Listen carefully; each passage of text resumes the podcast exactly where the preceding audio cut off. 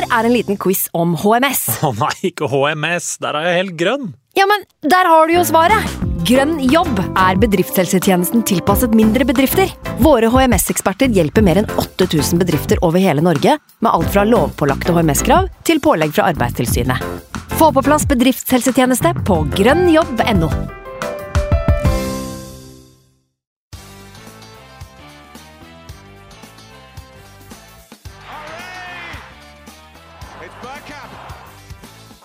Up now! The next station is Arsenal. Velkommen skal du være til en splitter ny episode med Arsenal Station med Magnus Johansen og meg, Simen Goffeng.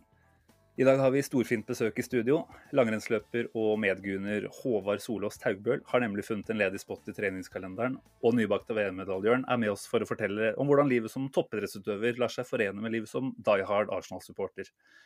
I tillegg skal vi selvsagt bruke god tid på å analysere det som var en spinnvill fotballkamp mot Westham, mens Magnus som vanlig avslutter episoden med et tilbakeblikk i X-spillerspalten. Velkommen til oss, Håvard. Og først av alt eh, er det vel på sin plass å gratulere så masse med bronsemedalje i VM-debuten.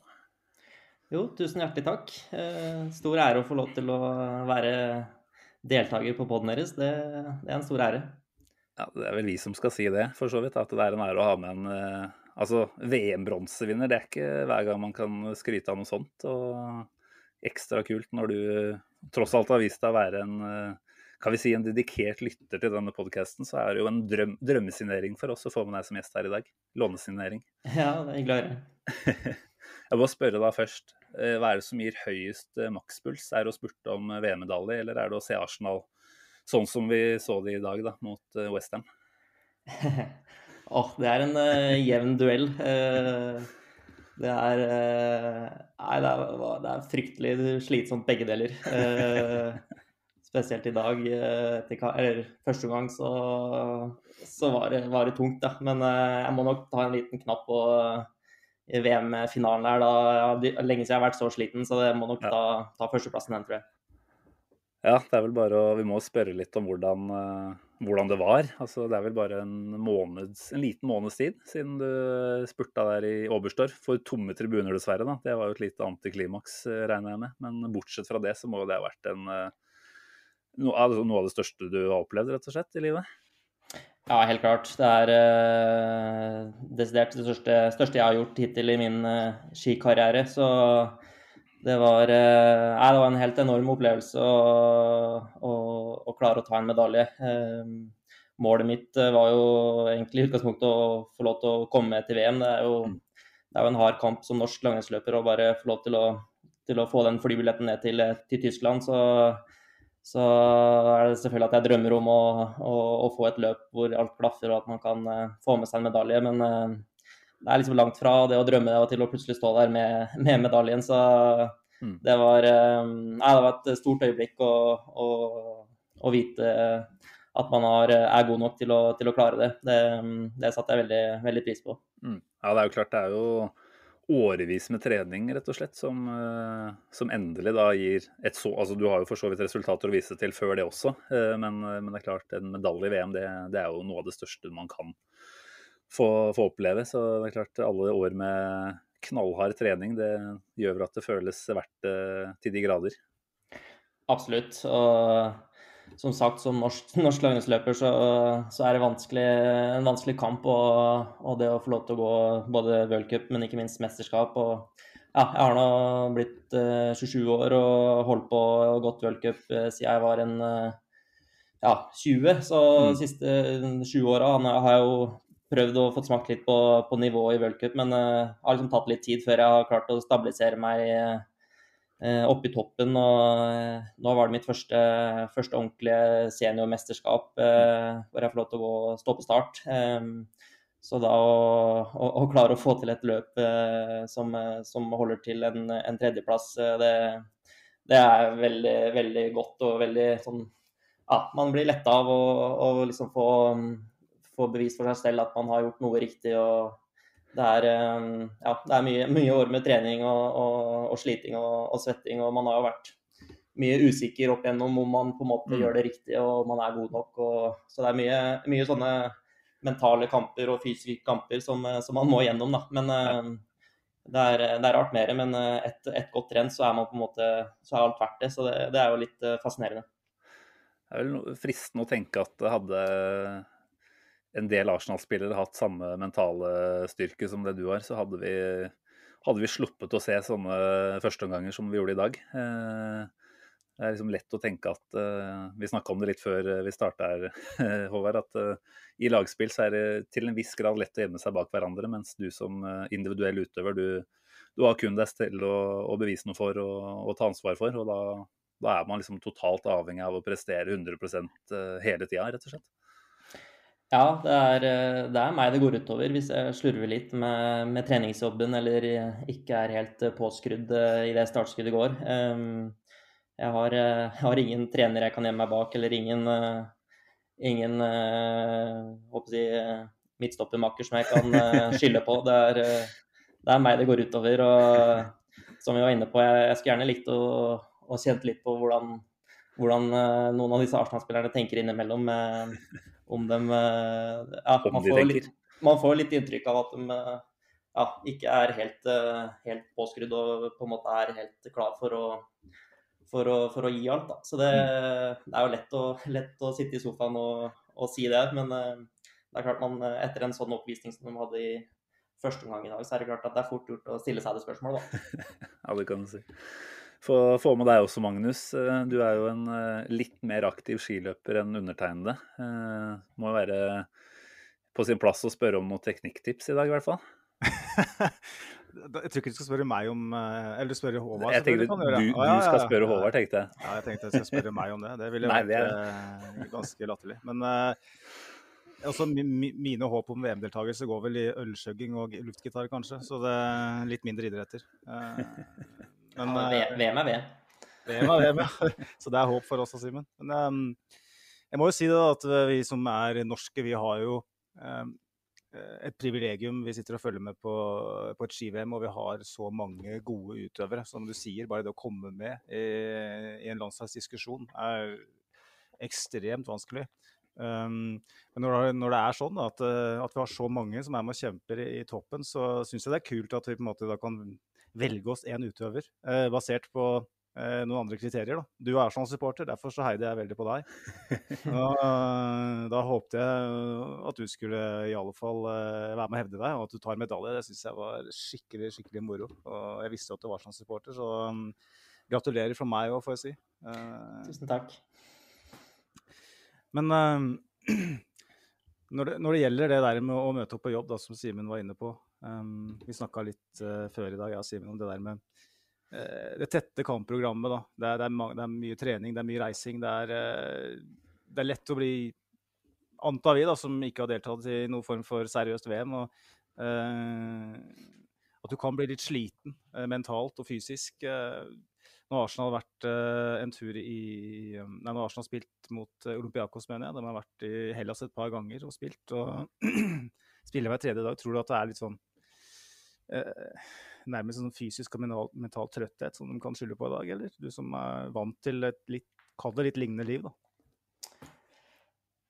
Det er vanskelig for meg å, å, å på en måte skille mellom en, uh, mitt, mitt, liv og det å være en uh, pro fotballspiller i både Premier League og, og, og spille rundt Europa. Men jeg tror, jeg, tror, kanskje det blir litt sånn undervurdert den uh, belastninga det er å, å, å, gjøre seg klar til kamp eller til konkurranse, for min del. Um, mm.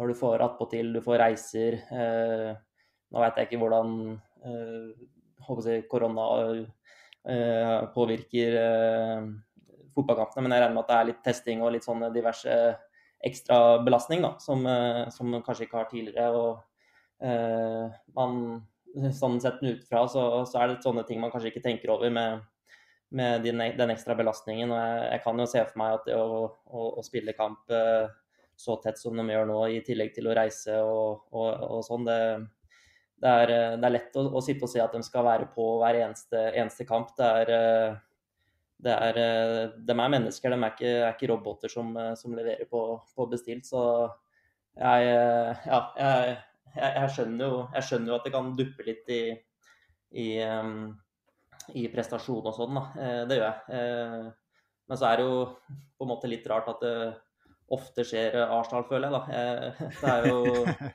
det er jo, det er jo ikke første gang at de eh, kommer bakpå fra start og, eh, og, sånn. Så det akkurat om det er et eller annet som, eh, som de gjør annerledes, det, det, er vanskelig å si. Det, det er det. Men jeg tror man skal være litt ja, litt obs på at det er, det er, en belastning det å, å reise og det å, å, å, dra rundt og forberede seg. Det, det, er, det koster, det òg.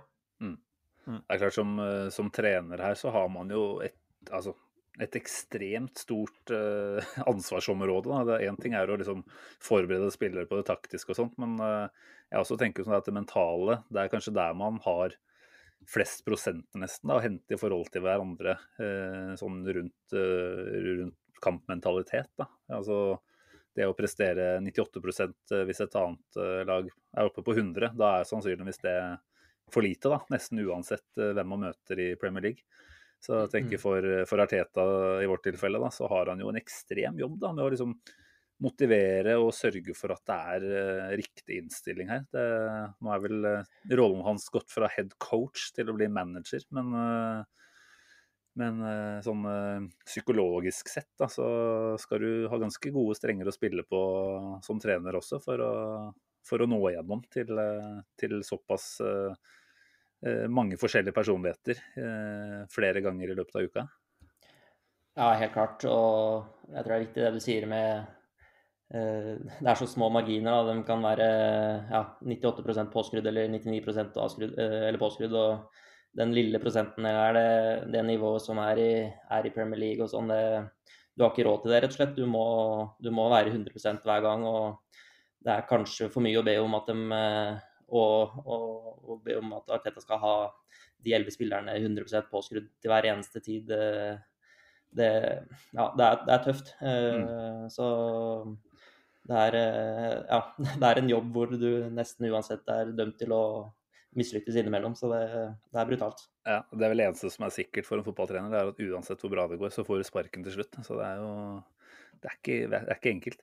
Men eh, sånn apropos forberedelser. Eh, nå er jo for så vidt eh, et VM og en VM-deltakelse noe ekstraordinært også for deg, da. Men, eh, men, hvordan er dine forberedelser sånn eh, mentalt da, inn mot konkurranse? Er det sånn at du si, bygger deg opp sjæl, eller får du noe, noe utenifra for å liksom være med og klaske deg litt ekstra på kinna, da, for å si det sånn?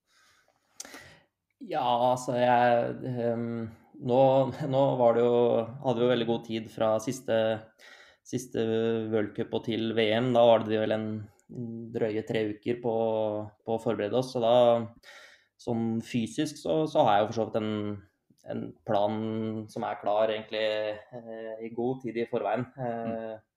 hvor man på en måte har gjort, gjort seg opp en mening på hvilke hardøkter og hvilke, hvordan mange timer man skal i de og de dagene. Og vi hadde jo en, en pre-camp oppe på Sjusjøen der sammen med hele, hele VM-troppen eh, av vi gutta som lå på der og trente sammen og, og fikk eh, ja, komme litt inn i den bobla og, og, og få sett litt på, på det. Og så er jo på en måte det mentale noe man eh, må, må, prøve å stå, stå, litt for selv, da. Eh, mm.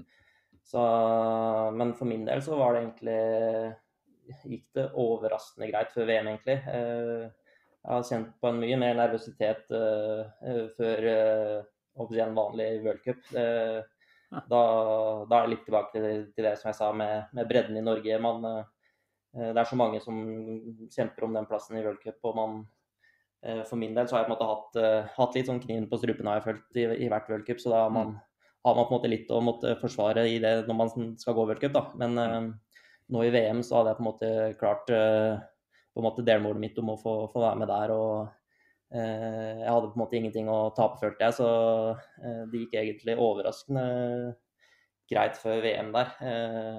og så blir man jo selvfølgelig, når det nærmer seg og man ta flyet ned og, og, begynner å se stadion og, og, sånn, at man begynner å kjenne litt på det. Men eh, jeg følte meg eh, ganske rolig, egentlig. Um, mm. Så jeg tok jo faktisk et lite grep om å prøve å ha noe å koble av med. Så jeg var inne og bestilte meg eh, biografien til Wenger her rett før jeg dro, så heldigvis fikk jeg den eh, på plass før, før avreise. Så den, eh, den, var med meg på sengekanten hver dag der nede, så jeg ja, men, men ikke, du hadde ikke Wenger i bakhodet når du går inn på oppløpet der, og det er vel Bolsjunov man er på Nei, han er vel for så vidt tilbakelagt i siste motbakke, mener jeg å huske. Men uh... Ja, nei, jeg, kan dessverre ikke si at uh, Wenger var høyest oppe på, i, i, tankene mine. Men uh, det siste jeg tenkte på før jeg la meg kvelden før, var jo Da leste jeg jo gjennom The Invincibles kapittel i boka, så det, det syns jeg var litt kult å, å, å ha, da. Så, så dem Ja. Jeg har prøvd å ha litt sånne ting hvor man kan prøve å koble av litt, og ikke prøve å tenke på, på VM og ski hele tida. Så det, da har det hjulpet meg å, å, kunne koble av litt med, med, med, boka hans og, og litt Arsenal-relaterte stoff. Mm. Hva syns du om boka, Håvard? Um, vi har jo hatt en liten review på den her. Uh, et sidespor for så vidt, men uh, ettersom du har lest den, så er det interessant å høre. Ja, altså nå gikk uh, altså, luft, Jeg er ikke noe veldig lesehest, for å være helt ærlig, så den leseevnen min, den bobla, eller den lufta den bobla røyk litt etter VM her, så jeg har fortsatt ikke lest siste halvdel av boka. Men, men så langt som jeg kom, så er det veldig, veldig kult. Um, jeg syns utrolig fascinerende å se Man, man har laga seg et lite bilde av hvordan han er som, eller var som trener. og man, man får virkelig inntrykk av alt han tenker og, og gjør. han er en, en, gentleman og en Ja, han er en, en, luring. Så det var, uh, det var kult å, å, komme litt bak og se hvordan han, uh, hvordan han håndterte ting. Ja, han har jo vært, uh, har fått litt kritikk for det der med at han kanskje ikke kom med alle de avsløringene som vi har sittet og, og bedt om i mange år. men som vi sa òg, så man må jo på en måte bare beundre banen for at han ikke gjør det. Ja, det sier vel litt om hvordan han er som type, og han litt den gentlemanen som ikke ja, han, han, har vel en del juicy stories som han kan sikkert komme med, men holder seg for god til det. Så det er jo, det er jo stort, det, syns jeg. Mm.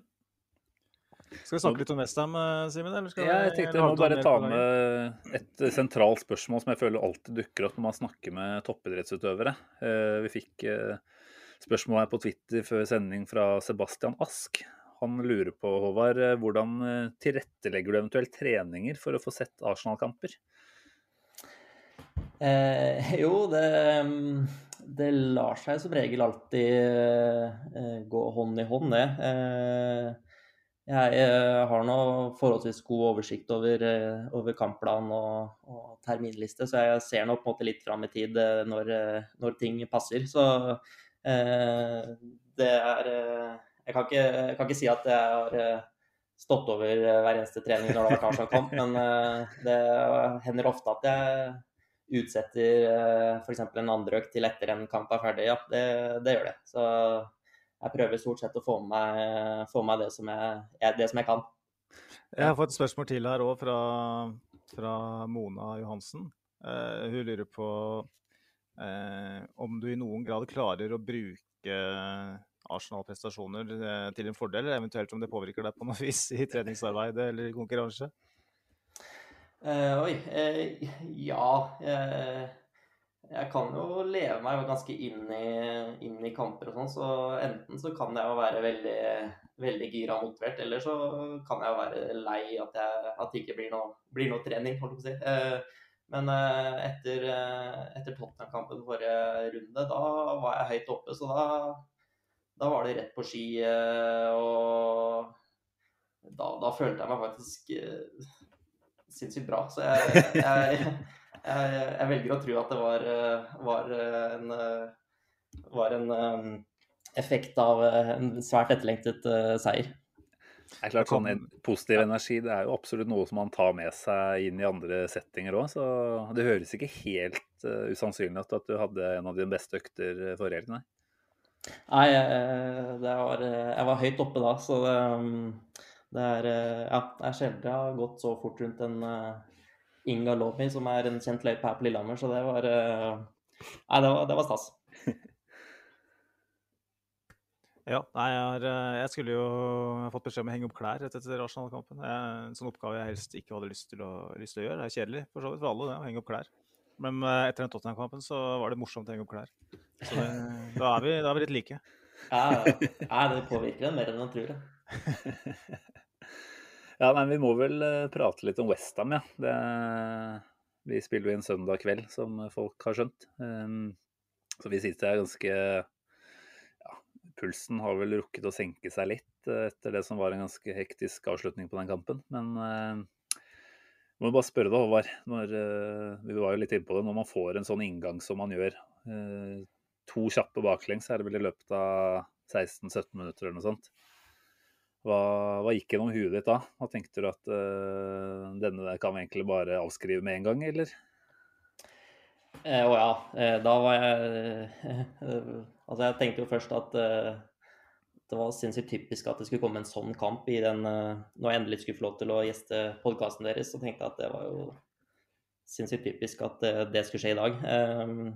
Og det var veldig mye annet som frista enn å sitte og, og, og, og se på den jævla skjermen. Så Nei, det Da, da, ja, da, da går det litt, eh, litt svart. Ja, man blir litt sånn futt og eh, ja, Jeg hadde bunkra meg på, på gjesterommet her hjemme, så det var eh, Jeg tror det var greit at jeg var, eh, holdt meg aleine. Ja, du er ikke like ille som Magnus, eller? Han har jo en tendens til å kaste ting i vegger og sånt. Ja. Er det sånn at skismørning og sånt går veggimellom hos deg? Ja, jeg har skjønt at den eh, korkeopptrekkeren har, fått, har, eh, har medfart, men eh, nei, jeg, jeg klarer å holde meg eh, rolig sånn sett. Men eh, på innsida så er det, er det ganske er det, er det litt mørkt, ja. Det er det. Han holder jo til på, på Innlandet, eh, sånn som meg. Eh, og vi som eh, holder til herover, vi er jo litt mer negative enn eh, generelt den norske befolkning. Så det er hyggelig, hyggelig å høre at du sier sånn at det er litt typisk at ting skjer og sånn, for det er sånn jeg føler òg. Det, det tenkte jeg òg. Det er nå skal vi ha en celeber gjest der for en, for en gangs skyld, og så skal vi selvfølgelig da måtte snakke om en sånn 5-0-tap mot Westham. Ja, nei, det var, eh, det var godt at de klarte å snurre. Ja, det var jo bare Ja, vi får jo ikke foregripe begivenhetene helt her, men det var vel andre gang bare at Arsenal kommer tilbake fra 0-3 og henter med seg noe, da. Så det er en sjelden anledning. Husker forrige gang, da, bare for å ta en digresjon her, så var det jo eh, mot Bournemouth, var det ikke det? I, for en del år siden. Eh, Det var kampen etter at Giroud hadde skåra det der skorpionmålet mot Crystal Palace. Så når vi da satte inn eh, var det 2-3, så i stedet for å løpe tilbake til midtbanesykkelen, så drev Giroud og, drev og, og lekte sånn, sånn skorpionbevegelse foran fansen. Da husker jeg var så forbanna. Så da, da korkopptrekkeren din, som gikk ganske hardt mot veggen Ja, du har skåra et pent mål, men eh, eh, kanskje vi skal prøve å score et til? Ja, vi gjorde heldigvis det i dag, da. Men eh, hva tenker du, Magnus, om det vi fikk servert? Får bare høre litt kort med deg om både hva du så på, hvordan du så på lagoppstillinga, bare for å ta det veldig kort aller først. Nei, jeg syns det var greit. Jeg bet meg merke i at eh, Chambers starta på høyrebekken, og at Beirin ikke var i troppen i det hele tatt. Syns det var interessant. Um, jeg syns Chambers på alle mulige måter eh, forsvarte plassen sin i laget. Um, Ja, jeg er enig. Jeg tenkte jo fra start at eh, det var et godt grep. Da, for det er jo bare å telle centimeter på det western-laget, og så ser du at vi med en Cedric eller Behrin er eh, ganske underlegne her. Så det var jo for å kompensere, tenker jeg, da, mot det man antok ville bli noen tunge minutter med mye legg og, og dødballer. Men nå var jo problemet kanskje litt i starten at det var en autostrada nedover på, på vår høyreside da, for Westham. De kom jo på innlegg etter innlegg, og da tenkte Mm. vel jeg, meg å være ærlig og innrømme, at uh, Chambers var et uh, kanskje heller dårlig valg i dag. Uh, men han spilte seg jo definitivt opp, da. Ja, absolutt. Jeg føler jo at det var hele lag på det tidspunktet. At det var, det var rett, og slett et lag som ikke møter opp til match. Og hvis du går tilbake til det første intervjuet som Ariteta gjorde som Arsenal-manager, som er imponerte oss alle og bergtok oss alle, og som til en viss grad har vist seg å Hva skal jeg si? Ja, det, det gjenspeiler litt hvordan han angriper rollen som manager på.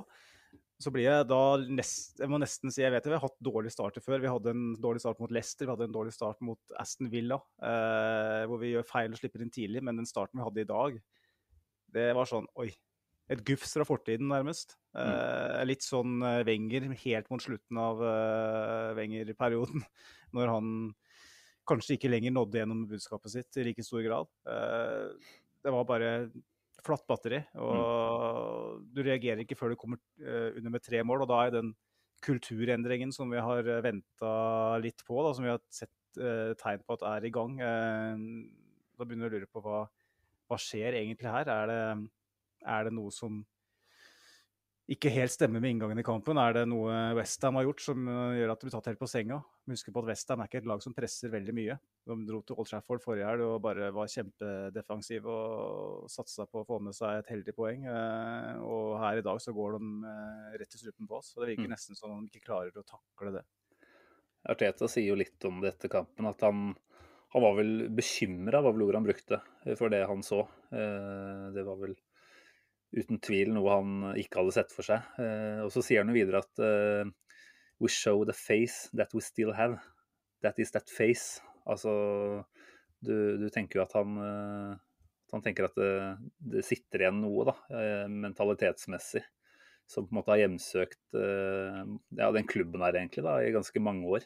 At det er noe sånn soft og, og slapt over oss til tider, som man ikke helt klarer å, å få fjerna. Da. Jeg, vet ikke om man, jeg tror vel ikke han sikter til noen spesielle spillere, men heller at det sitter en annen sånn ja, Det sitter noe i veggene nesten, da, i form av kultur eller uh, hva du skal kalle det, som ikke er blitt helt uh, skjøvet bort ennå. Jeg vet ikke hva du tenker om det, Håvard. Det er vel eh, sånn at uh, kulturendringer tar tid, men nå har jo Arteta vært der et drøyt år, godt og vel. Og det litt skuffende sånn sett, regner jeg med, å se at vi, vi er så langt unna å være det Arteta ønsker at vi skal være i dag. Absolutt. Og jeg drev og tenkte litt på det. sånn, Hva var det som var grunnen til at vi på en måte var så så lite på fra start? Er det Jeg følte liksom det var ingen Det var ikke én eller to spillere som man på en måte kunne ta ah, de var, de var årsaken her, men det var liksom Det var så mange fra egentlig alle, følte jeg. da. Mm. og det er, jo, det er jo litt sånn skummelt at det, at det, at det skjer. og eh, og så er det jo hvem, hvem, skal, hvem skal være syndebukken, hvem skal få skylda for at de eh, er det. det var vel, Lacassette var vel inne på det etter kampen, at de på en måte ikke, ikke fulgte gameplanen til, til Arteta fra start der, og hva som er, hva som er årsaken til det, det, det er vanskelig å si. Men eh, man, man, får jo inntrykk av at det kan være, jeg håper å si, være noe arsenalsk over det. At de mm. Ikke helt uh, får det til. da. Uh, så ja, kan man jo sikkert uh, diskutere i det uendelige om, om, grunnen til det. Men um, det var Nei, det, var, det, er trist at det liksom ikke skal være mer, mer fire fra start, og at de ikke er mer, mer på og får Det var jo en, en, viktig kamp når man ser på, på tabellen, og mm. om de er Akkurat hva som er mentaliteten, er jo vanskelig å si, men det virker som de på en måte ikke, ikke var med på det hele tatt. Og det, det, er jo trist å se. Ja, det er jo klart. OK, vi fikk jo en bra Selv om resultatet isolert sett på torsdag var dårlig, så var det jo et viktig og godt avansement. Og det er klart, det er lett å tenke at nå, nå legger spillerne alt fokus på Europaligaen eh, framover. Eh, og kan tenkes at de ser på tabellen og ser at okay, vi er på tiendeplass. Det er ti poeng opp til en Champions League-plass der. Eh, men, men det kan jo på en måte ikke være en, en unnskyldning det heller, da, for at man ikke helt anser at man har nok å spille for i ligaen. For det, altså Om noe så kunne du også fått en reaksjon hvor det er lavere skuldre og, og mindre, mindre stressa prestasjoner. Og det, det, skulle jo i utgangspunktet kunne vært en god, en god greie. Nå har vi jo sett det her eh, eh, egentlig Uh, over en litt lengre periode. Vi hadde den perioden i fjor høst hvor vi rett og slett uh, Det funka ikke, rett og slett. Hadde, det, det, var ingenting som funka offensivt. Og vi, vi, klarte til dels å bygge litt sånn defensiv struktur som gjorde at vi ikke ble knust i hver eneste kamp. Men vi, vi ble jo rundspilt mot Westham på hjemmebane òg, selv om vi vant uh, tilbake i fjor høst. Og så etter hvert som vi har klart å, ska, å, bygge noe offensivt, så har vi havna tilbake i det der eh, litt det vi så har sett i så mange år, da, at vi gjør mange feil og Mm. ikke er helt konsentrert. Men eh, det er jo det der med at en fotballkamp varer i 90 minutter. da. Mot eh, Tottenham så spilte vi 75 minutter. Så hadde vi et kvarter hvor vi ikke var med i det hele tatt. Mot, uh, vi har sett i Europaligaen nå, selv egentlig den Olympiakos-kampen som vi hadde nå på torsdag, så var det jo det var jo ikke en kamp hvor Arsenal virkelig møtte opp. og Det er jo vanskelig mentalt selvfølgelig når du leder eh, med en sånn margin og det andre laget må ha skåret og sånn, men det er jo noe med at det er Olympiakos da, vi må spille mot. Det er ikke Bayern München eller Barcelona. Eh, og det, det skremmer meg litt at vi eh, viser så tydelige tegn i en så avgjørende fase av sesongen på at vi kan hva skal jeg si, ikke være til stede på banen i lange perioder. Eh, og du ser hvor brutalt det blir straffa i, i Premier League. Westham er eh, topp fem, ja, men det er fortsatt ikke et, topp, et eh, topplag som, sånn jeg anser det. Det, er ikke et topp, det er ikke et lag du kan regne med kommer til å klare å henge med i, i toppen i flere år, kan du si. Mens eh, hadde det vært Manchester City, så ok, men der er Westham. Og, og du møter ikke opp på jobb mot Westham på en søndag, og du får tre i sekken. Det er bare sånn det er, og det, det burde de være klar over. Så jeg, jeg forstår ikke helt eh, hvorfor det skjer såpass ofte. Eh, det må jo være et eller annet som sitter i veggene, som du sier, Simen. Eller eh, det må være spillere i troppen som altså Det er jo som, eh, som Håvard var inne på her, at hvis du er 1 eller 2 eh, ikke til stede, så er det nok til at du faller gjennom på det nivået her. Da. Mm. Og da, da lurer du på hva er det som, som gjør det. Jeg, jeg er helt sikker på at Teta eh, sjøl er veldig opptatt av å, eh, å luke ut de eventuelle typene som bidrar til det. Nei, det var jo rett og slett eh, helt begredelig i 30 minutter. Men det er jo den siste baklengsen da, som var det som skulle til for å vekke oss eh, skikkelig. Og jeg syns jo vi som nordmenn, og kanskje særlig, da, må si et ekstra takk til eh, Martin Ødegaard i dag. For det er vel sånn at det nesten er han som er hovedarkitekten bak den snuoperasjonen her. Han som viser lederskap eh, når vi er helt nede med brukket rygg. Da. Og har jo en helt fantastisk eh, kamp i dag. Eh, også når vi er dårlige i starten, så er jo han kanskje den hvert fall som prøver å by på noe, da. Og fra et godt stykke ut i første gang og kampen ut, så er han jo outstanding, rett og slett. Er det sånn at vi bare kan la superlativene regne over Martin Ødegaard i dag, eller Håvard? Ja, det, det frister, det. Det er eh, Nei, det var eh, helt, helt rått å se han i dag. Eh, Det er bare synd at han jeg håper si, ikke er Arsenal-spiller eller er på lån. Mm. Det er jo Jeg syns jo det er litt skummelt å, å på en måte se at han, han som på en måte er med og dominerer i dag, nå, og på en måte virkelig tar grep, da. At, at, og nesten virker som han som blør mest på drakta, er han som er på lån. Det, det er jo litt skummelt. Eh, Men eh, nei, han eh, Ja, jeg syns han må vel ha gjort sin beste Arsenal-kamp eh, i dag. Det kan vel ikke være noe tvil om. Det er jo helt, helt enormt. Han er jo involvert i, i alt, og alt går gjennom han. Så det, det er bare å ta av seg hatten, og ja, alle superlativer er brukt. Så det er vanskelig Ja. å finne på noe nye der. Ja, ikke sant. Nei, han er vel tredje sist, faktisk, på alle goalene. Som er Mm. ganske like, alle, alle sammen. Hvor han slipper ut på høyre, og, og det kommer et legg fra enten Chambers eller uh, PP da, på siste. Jeg var vel sånn uh, nesten hele andre gang at jeg bare satt og sa gi ballen til Martin, gi ballen til Martin. For han, Ja. hver gang han får den, så skjer det noe. Uh, Magnus, det er jo den katalysatoren i angrepsspillet vi har uh, prata om eh, at vi har mangla tidligere i sesongen, og som nå det ikke er noe tvil da, om at Martin Ødegaard er.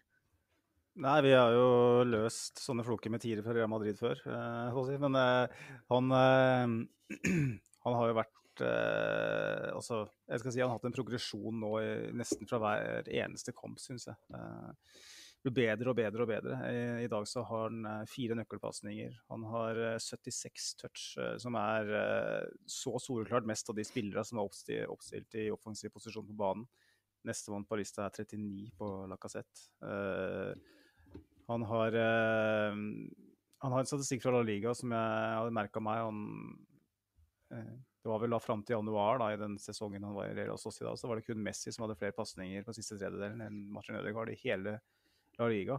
Så han har det her i seg. Han har den der ekstreme evnen til å ta imot ballen eh, i pressa situasjoner på små flater og klare å gjøre noe produktivt med ballen. Det er helt enormt hvordan han klarer og, og gjør noe produktivt med hver eneste ball den får. Uansett hvor vanskelig den er, hvor hard den er, hvor upresist ballen er, så klarer han å få kontroll på den. Han klarer å orientere seg, han klarer å slippe ballen på nøyaktig rett tidspunkt. Og i dag så var han bare helt For å, for å uh, sitere Semb, helt outstanding. Verdensklasse. ja, nei, det er, det er, kult å ha, ha han her. Og så er det jo som du sier, da, det er synd at uh, det sannsynligvis bare er på lånt tid. Det veit vi jo ikke helt ennå. Jeg eh, kan jo bare si at jeg, jeg teksta litt med Petter Wæland eh, før helga.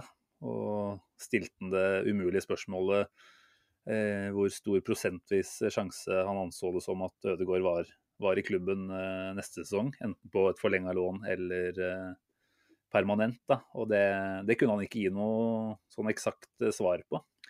Men hoveddelen som jeg tar med ut av svaret hans der, er at han han skriver at jeg tror alle partene holder alle muligheter åpne, og at det ikke blir konkrete samtaler og et bestemt veivalg før tidligst i mai. Da. Og det er klart, det er mye som skal avklares før den tid. Om vi spiller i Europa, da, aller helst i Champions League. Hvem er trener i Real Madrid? Er det Zidane som har vist at han ikke nødvendigvis kommer til å satse på Ødegaard?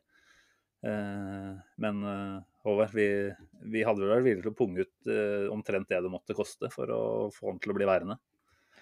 Absolutt. Det er jo lett å være nordmann og, nordmann og si det, men eh, det er jo, det er jo synd at uh, hvis han begynner å spille så veldig mye bedre enn det han gjør i dag, så han jo, blir han jo ettertrakta og kanskje lettere å, å få han bort òg. Så det er jo, det er jo uh, Vi må selvfølgelig håpe at han fortsetter i den stilen han har gjort i dag, men uh, ja, man skulle jo tro at interessen for å ta han tilbake igjen øker vel sikkert, og jo mer han fortsetter sånn som han gjorde i dag. For det var, eh, nei, det var eh, ja, outstanding, som Ja, akkurat det jeg tenker er mest spennende i den diskusjonen der, er jo hvor stor tro har Rødegård nå på at Real Madrid er rette valget. Altså, han hadde jo en helt uh, drøyt god første sesong i Real Sociedad. Eller han var jo for så vidt bare der i en sesong. Første halvdel av den sesongen så var han jo ekstremt god. Uh, dabba vel litt av uh, andre halvdel, men eh, kom jo tilbake til Real Madrid med det han sikkert må nesten ha tenkt var en viss lovnad om å bli satsa skikkelig på. Og så har han jo ikke fått mange minuttene eh, i La Liga særlig, da. Det var vel eh, en som skrev nå at han har allerede dobbelt så mange minutter cirka i Arsenal i ligaen som han har for Real Madrid totalt etter alle de årene han har vært der. Så det er klart, det er ikke hvem som helst som klarer å spille seg inn på Real Madrid, men men sånn som Ødegaards erfaringer kanskje har blitt nå, så, så tenker jeg vel, tenk, håper jeg da at det er ikke noe garanti for at han får den rollen i Real Madrid som han nå definitivt har fått i Arsenal. Han er jo main man, og Arteta viser jo på alle mulige måter at han har lagt sin elsk på den spilleren her. Så kan jo håpe da at uh, den, den, kjærligheten går begge veier, og at han føler at uh, Arsenal er riktig sted å være, rett og slett. Ja, jeg skulle jo tro at han han virker jo som en som elsker å spille fotball, så det er jo klart at hvis han fortsetter sånn som man gjør i, Arsenal og blir, blir satsa på, rett og slett, og ja, som man ser i dag, han, han, blir jo involvert i alt, og det er vel noe han trives, trives godt med. og Det er klart eh, det, er litt subjektivt, men det må vel friste å være i, i Arsenal da, når man kan, kan bli brukt, brukt, på den måten, i stedet for å ha en litt mer usikker framtid i, i Real. Mm. Er du, er du overraska over hvor mye personlighet han viser eh, på banen, sett i lys av, av, det at han kanskje slet litt med å, å, å vise seg fram for Real Madrid i, i, fjor høst? Eh, både ja og nei, egentlig. Eh, eh, altså, jeg kan jo ikke Det er vanskelig å, å, å si, men altså, jeg, kan jo, jeg, kan jo, se for meg at når du kommer til en, til en klubb på lån og du på en måte du må, du må vise deg fram, at du er på en måte vært vært det. og da, det er klart at det, det må jo, Han er jo et, eh, et toppidrettshue som, eh, som gjør alt for å vinne. og Når du da lykkes, og sånn, så er det klart at det, det må gi noen følelser som er veldig, veldig deilige. og Det er veldig, det er jo veldig godt som Marshall-fan å se at han virkelig virkelig bryr seg når, når de skårer. Jeg, jeg, så på han på feiringa til Det var vel når Lacassette uh, heada inn uh, målet der, at uh, du så han var Da jubla han godt. Så det, Mm. det, det er jo sånt som er uh, deilig å se, da. Og det, det skulle vel kanskje bare mangle òg, men uh, det er klart han Jeg tror han gjør jobben uansett lag, ja. Han er såpass profesjonell, er han. Så Mm. Det virker jo som om eh, altså, eh, Ut ifra det vi kan lese fra det vi ser herfra, så virker det som om han virkelig trives. og Måten han omtaler Arsenal på, måten han omtaler Arteta på, en helt annen tone enn den Dani Ceballos f.eks. har, som er veldig sånn helt opptatt av men jeg skal tilbake til Real Madrid. Det er det som er målet. Jeg skal spille meg inn på elveren til Real Madrid. Det har ikke Mørten Ødegaard sagt en eneste gang. Så det er jo lov å håpe at, eh, at han kanskje har sett seg litt lei da, på å være, leve en sånn flyktig tilværelse. Og det har han vel vært inne på, at uh, nå, nå, må han snart etablere seg. Og hvis Zidane er i Real Madrid, og hvis han ikke er villig til å gi inn uh, en, hva skal jeg si, en skikkelig sjanse å bygge laget rundt den på den måten som vi ser i Arsenal, så, så må jo Arsenal bare starte kronerulling, om det, om det er det som skal til. Også det du sier her med Zidane, da, så han lovte jo i hermetegn Ødegård en sentral plass eh, når han kom tilbake før sesongen. Så jeg vet ikke helt hvor mye Ødegård vil legge i en sånn type lovnad, eh, om den skulle dukke opp nå neste sommer òg. Altså, han har på en måte vært igjennom såpass mye da, eh, i Real Madrid nå, og det er et helt annet klima som Altså, de, de aller færreste lykkes jo der. Du skal være ganske rå da, rett og slett for å bryte gjennom. Nå er det godt mulig at den Ødegaard vi ser nå, er i ferd med å bli så rå. Altså, han viser så mye mer lederskap, litt i tråd med at han har fått landslagskapteinspinn også. da. Så tenker jeg at Det er godt mulig at man må faktisk også i Madrid se at dette er en fyr som er helt klar til å, til å ta Real Madrids offensive spill og ha hovedansvaret der. Men jeg kan jo håpe da, at han føler seg litt, litt lurt i tidligere, tidligere, omganger, og at det kanskje kan komme tilbake og bite Madrid i ræva her. Han har to år igjen på kontrakten her vel, til sommeren. Og det er vel et sånt klassisk eh, tidspunkt hvor de fleste klubber eh, enten vil forlenge eller selge. Eh, så det er klart at hvis han ikke har noen som helst inn, altså tanker om å, om å skrive under på noen ny kontrakt med Real Madrid, så muligens kjenner de allerede da på at her er det mulig å, å cashe inn etter, etter det som tilsynelatende blir veldig god, et godt utlån i Arsenal. da. Ja, det er lov å håpe. Jeg har, ikke, jeg har ikke lyst til å gjøre det mot meg sjøl, det der med å håpe for mye. Det er litt sånn innlandsgreie, det kjenner jo Håvard til òg. At vi, ja, ja, vi vil ikke gjøre det mot oss sjøl. Nei, vi, kan ikke, vi kan ikke klandre han hvis han, hvis han får et, et solid tilbud fra, fra Real og gode lovnader der, så kan vi jo ikke klandre han for å, for å velge de heller. Det, såpass ærlig må vi vel være. Men, men, som nordmann så, så, er det jo liksom Det er kanskje vel anglofilt å melde, da, men det er jo Premier League vi, vi ser til, stort sett. De aller fleste av oss. Og Ødegaard sa vel det i første intervju, at det er jo en drøm å komme til Premier League. Og nå har han jo virkelig fått bevist for seg selv at det er en liga som passer han. Det var jo et spørsmål som mange stilte seg om det kunne bli litt for uh, høyt tempo og litt for fysisk, da. Men han uh, han tar jo med all mulig glans så langt. Og Westham er vel et av de lagene man må kunne karakterisere som skikkelig fysisk, tenker jeg. Så å herje som han gjorde i dag, da, det er jo bare nok en bekreftelse på at dette her er en bra fit. Og så er det selvfølgelig sånn at det er en del andre Premier League-klubber som også sikkert tenker at Ødegaard kunne vært en, en god mann. Hva sier du, Magnus? Nei, jeg tenker jeg er glad for at Kevin De Bruyne ikke har noen utsikter om å forlate Manchester City. Uh, at, at dem er godt for spent. Uh, for det er klart, i en global pandemi så er det ikke så mange klubber som kanskje i like stor grad er villige til å betale store summer for, for en enkeltspiller. For Arsenal Arsenals del så er det jo veldig opplagt at han passer inn i klubben. Altså, når man signerer en spiller til, til, en stor sum, så er det alltid en viss risiko forbundet med det. Men uh, nå har Martin Ødegaard Ja. Mustafi. Altså, det er ganske mange. Uh, så når Arsenal da har fått prøvekjørt Ødegaard da i noen måneder, så er det jo desto større grunn for å, å, bruke en større sum på den. Da. Og basert på de det budsjettet Arsenal vil få eh, til sommeren, eh, kanskje uten europeisk fotball i det hele tatt, eh, med billettinntekter tapt over etter hvert en og en halv sesong, så må kanskje noen, noen med bart som sitter på andre sida av havet, finne fram noen kroner hvis vi skal ha sjans. Ja, det er bare å krysse fingra for at det dras opp en halv milliard eller hva det skulle være av, av hatten derfra. Jeg tror ikke veldig på det nødvendigvis, men krysser, krysser fingra. Uh, føler at vi nå, etter å ha snakka veldig mye om Ødegaard, også burde ta og nevne Chambers igjen, da. Som uh, faktisk ble kåra til man of the match på Sky, så jeg.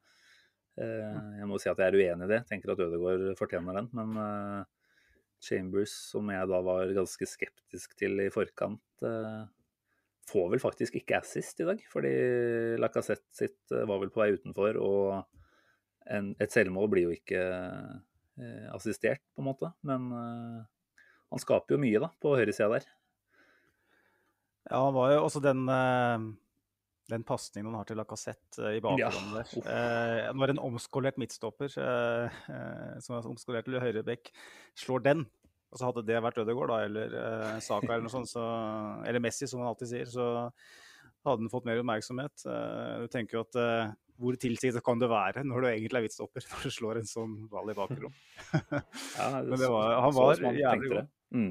Han var jævlig god i dag, han var det. Så øh, det er jo Jeg tenker jo at Callum Chambers er en spiller som vi potensielt sett kan få en ganske god penge for til sommeren, som vi kan putte i en eventuelt Ødegaard-pott. og det at han får vise seg fram litt nå i noen kamper det, i Premier League, det er bare gull verdt. Mm.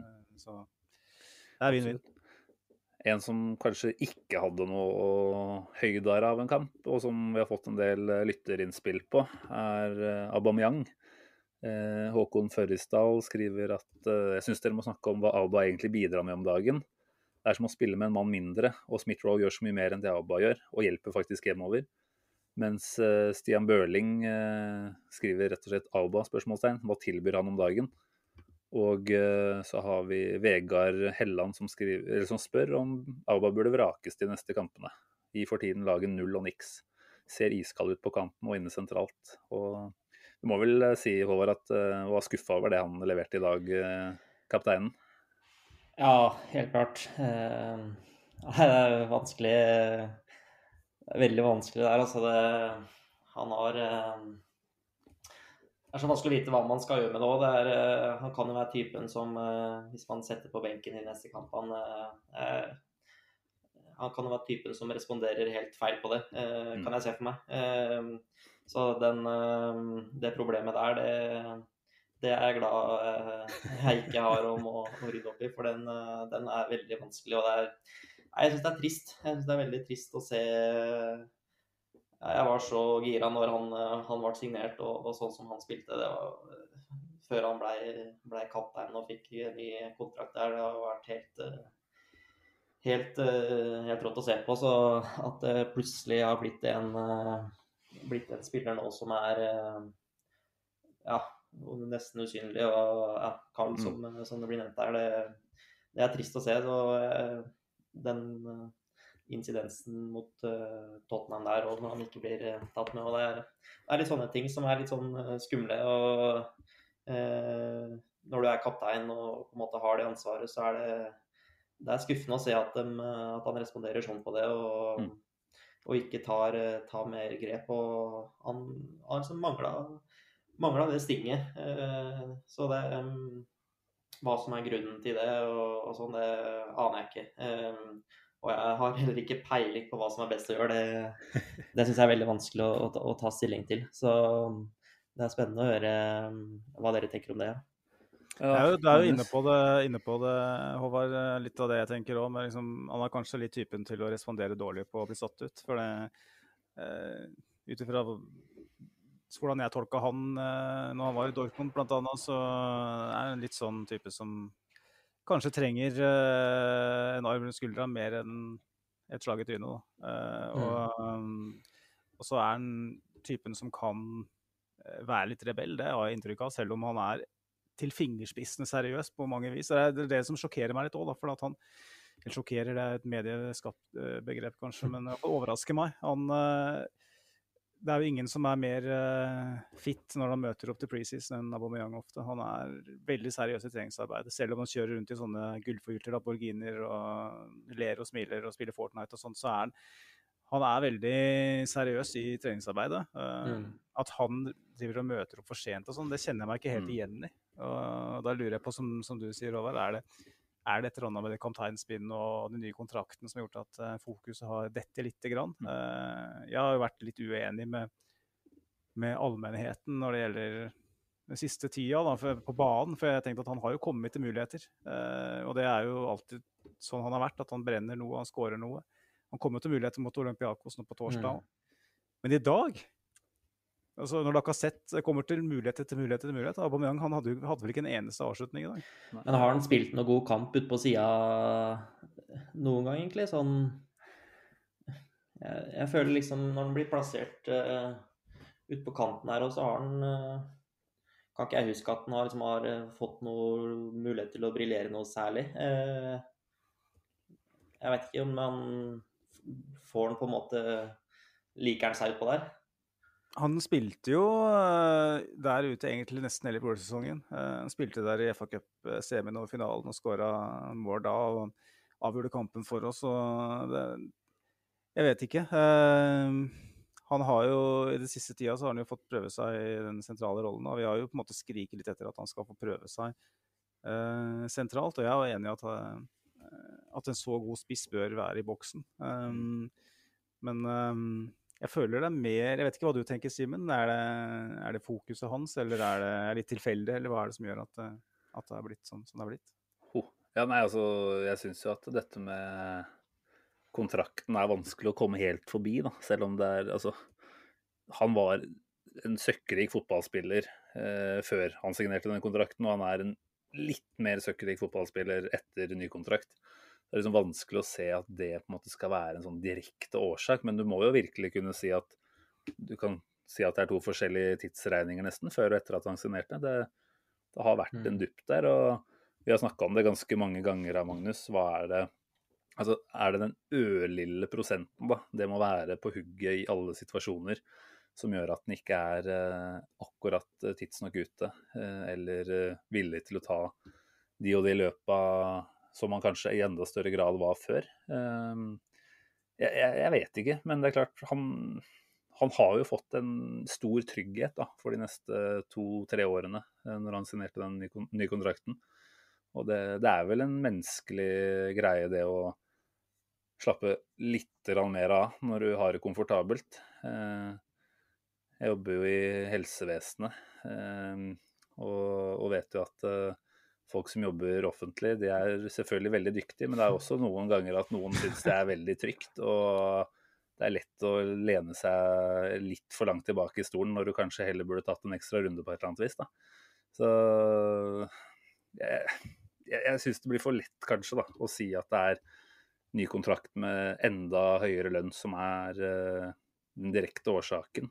Eller om det, om det er dette med at han rett og slett uh, føler det i hvert fall i den lange, tunge perioden vi hadde før jul, da, som ekstra tyngende. Når han da vet at han har et ekstra ansvar eh, i form av det kapteinspinnet som, eh, som han ikke rett og slett virker å være en person som burde ha. Eh, tenker vi har ikke så veldig mange gode alternativer eh, til å ta over det kapteinsbåndet. Jeg vet ikke hvor aktuelt det ville vært å flytte det vekk fra Aubameyang når han fortsatt er i klubben. Men eh, men på banen i dag og i flere andre kamper hvor vi har slitt, så syns jeg vi Nå kan dere godt arrestere meg hvis jeg bommer helt, men mener jo at Aubameyang ofte er den, eller en av de som ikke viser eh, lederskap på banen i form av kroppsspråk, i form av å ta det ekstra løpet. Altså, For å ta det litt tilbake til Ødegaard, da, så dirigerer han jo og han leder presset. og Det er, liksom, det er en ledertype i emning da, til de grader eh, i Ødegaard. Eh, mens Aubameyang eh, ja, virker å ha litt for mange ting å tenke på, kanskje. Så, så veit jeg ikke hvorfor eh, det svikter. For det, det er jo, altså, fotball er jo ganske enkelt og basic. Da. Det krever at du er i bevegelse og, og løper og, og, bruker energi på helt grunnleggende ting. Da, eh, da er det liksom med at han til en viss grad velger å ikke gjøre det. Men uh, Jeg har jo ikke noe svar, åpenbart, som du hører på all den bobling her. Jeg vet ikke hva som er, eh, hva som er eh, grunnen. Men eh, nei, Håvard, kom med fasit, da. Ja, hadde jeg hatt den, så hadde det vært, eh, vært godt. Nei, jeg, jeg slenger meg med på den. Det er eh, jeg, eh, jeg tenker jo at som, som profesjonell fotballspiller at du har litt eh, Ja, eller at du er, du er profesjonell nok til å, til å ta, ta, ta det ansvaret, og, og spesielt når du blir, blir kaptein og, og sånn. Og, eh, og at den lønnsøkninga At du får eh, litt mer eh, penger på bok, at det skal gjøre at du plutselig spiller dårligere, det, det er vanskelig å si. Og jeg, jeg Mm. håper jo på en måte at det er at han har en såpass profesjonell holdning til det, og at han har lyst til å, å være, fortsatt å være god i fotball og, og skåre mål. At det er det han, han ønsker. Men, eh, men eh, så, jeg, så jeg ble veldig ja, usikker på, på om det er noe eh, Ja, eller hva som er årsaken til at han ikke har den sulten. Og, og så er det jo ja, som mot Olympiakos, når han Var det da han chippa han rett utafor Ja, nå sist, ja. nå sist, ja. Mm. Hadde den sittet inn, det, kunne det vært en forløsende forløsende Mm. på at eh, får litt den der eh, Den eh, killeren tilbake igjen? Eh, Det vet jeg ikke, men eh, jeg, jeg føler jo at den kan være typen som trenger ja, som du sier, Magnus, med å få en arv rundt skulderen og, og få litt uh, trøst og, og, backup på den måten. Og så, Mm. og så få et par gode opplevelser, og så er han, er han uh, back in business. Men uh, det, Ja, jeg, Ja. jeg syns jo det du stiller spørsmål litt rundt posisjonen han spiller og sånt. Da, og når jeg tenker Aubameyang, så tenker jeg jo mainman. Altså han skal være spissen. Som eh, I hvert fall når vi har uh, Ødegaard, Saka eller PP, uh, Smith-Roe bak der, så er det så mye dynamikk som skjer i utgangspunktet at vi veit at han kommer til sjanser. da. Eh, og det er klart, eh, nå, nå tror jeg jo at han skal vi si, under Lacassette alt mulig godt. De virker jo som eh, kjempegode venner, eh, i den grad man er det, også utenfor banen. Men det er klart at det å liksom bli henvist til, eh, til en kant, da, hvor eh, det er større forventninger knytta til eh, returjobbing, og han er for så vidt bra tilbake på tidspunkt i dag, men jeg syns jo ikke det er sånn man skal bruke Aubameyang. Han skal ikke ned og takle foran egen 16-meter. I utgangspunktet syns jeg det er å misbruke kvaliteten hans. da. Og så er det vanskelig å sette fingeren på noe i dag, når Lacassette da egentlig skårer to ganger og har en, har en bra match. Men, eh, men Ja, Han eh, er jo veldig god i den rolla i dag, da. Mm. Lacassette, Så det er liksom eh, Ja, jeg vet ikke om Aubameyang hadde gjort det så noe bedre i den rolla i dag, som eh, sånn det ble spilt, så Nei, nei, eh, det er jo igjen opp til Arteta å finne ut av hvordan han skal eh, få det beste ut av Aubameyang. Eh, Det er eh, absolutt en jobb som må gjøres fortsatt her. Nå er vi jo stuck med han eh, i to sesonger til, eh, etter all sannsynlighet, fordi han er jo på kjempelønn. Og det skal vel mye til for at uh, Altså, vi, vi kommer jo ikke til å kvitte oss med den. Jeg tenker det det ville jo vært feil. Uh, Men, uh, men vi må virkelig utnytte, utnytte han litt bedre enn det vi gjør nå. Ikke noe enkel oppgave å hanskes med for Arteta. det der. Altså. Så kan det hende at det skjer ting nå i sommer på overgangsmarkedet som gjør at man på mange måter er mer tvunget til å bruke Aubameyang på spissplass, fordi Lacassette sannsynligvis uh, turer, siden han bare har ett, et år igjen på kontrakten. Så det blir spennende å se hva som skjer eh, framover der. Eh, hva tenker du, Magnus? Har vi snakka nok om eh, kampen, eller er det noen andre, andre elementer vi må innom? Eh, det var Nei, jeg, jeg syns det. Jeg syns vi har snakka mer enn nok egentlig om den kampen her.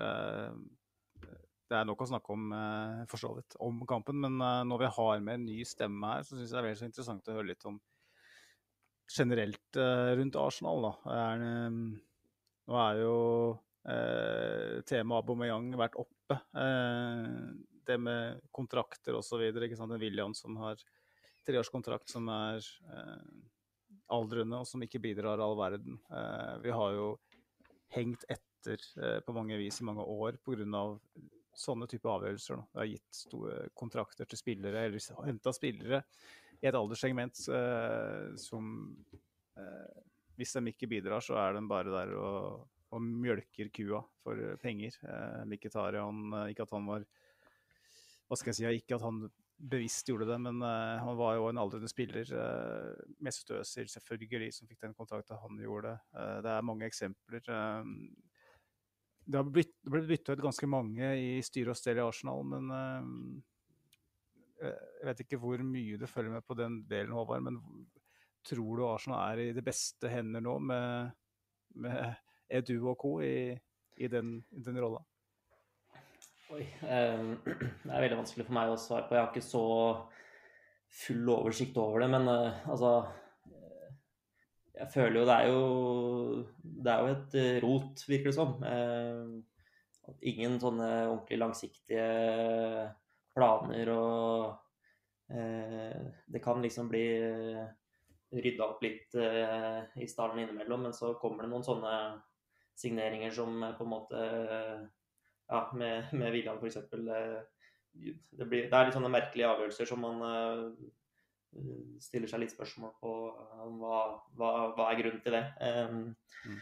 Så jeg, jeg, tror absolutt at, uh, at det er et forbedringspotensial der. Og jeg har jo fått med at det har vært, som du sier, mye utskiftninger i, i, i stabben der og, og, litt sånn av og på der. Og uh, det er jo jeg tror det er en årsak til at uh, når det er, er, litt sånn uoversiktlig og litt sånn rot og utskiftninger og sånn uh, høyere opp i, i, systemet, så er det jo klart at det er vanskelig å, å bli, få en helt trygg plan på, på det. Uh, ser jeg for meg i hvert fall, uten at jeg har noen noe grunn til å, til og med at det er, eller vite at det er det. Men så jeg kan jo se for meg at Arteta det er jo vanskelig å, å, få det til eh, akkurat sånn som han vil. og eh, At han har noen planer som ikke lar seg gjøre av de som sitter over ham. Så mm, det er eh, uoversiktlig, syns jeg, og, og, og, rot, rett og slett.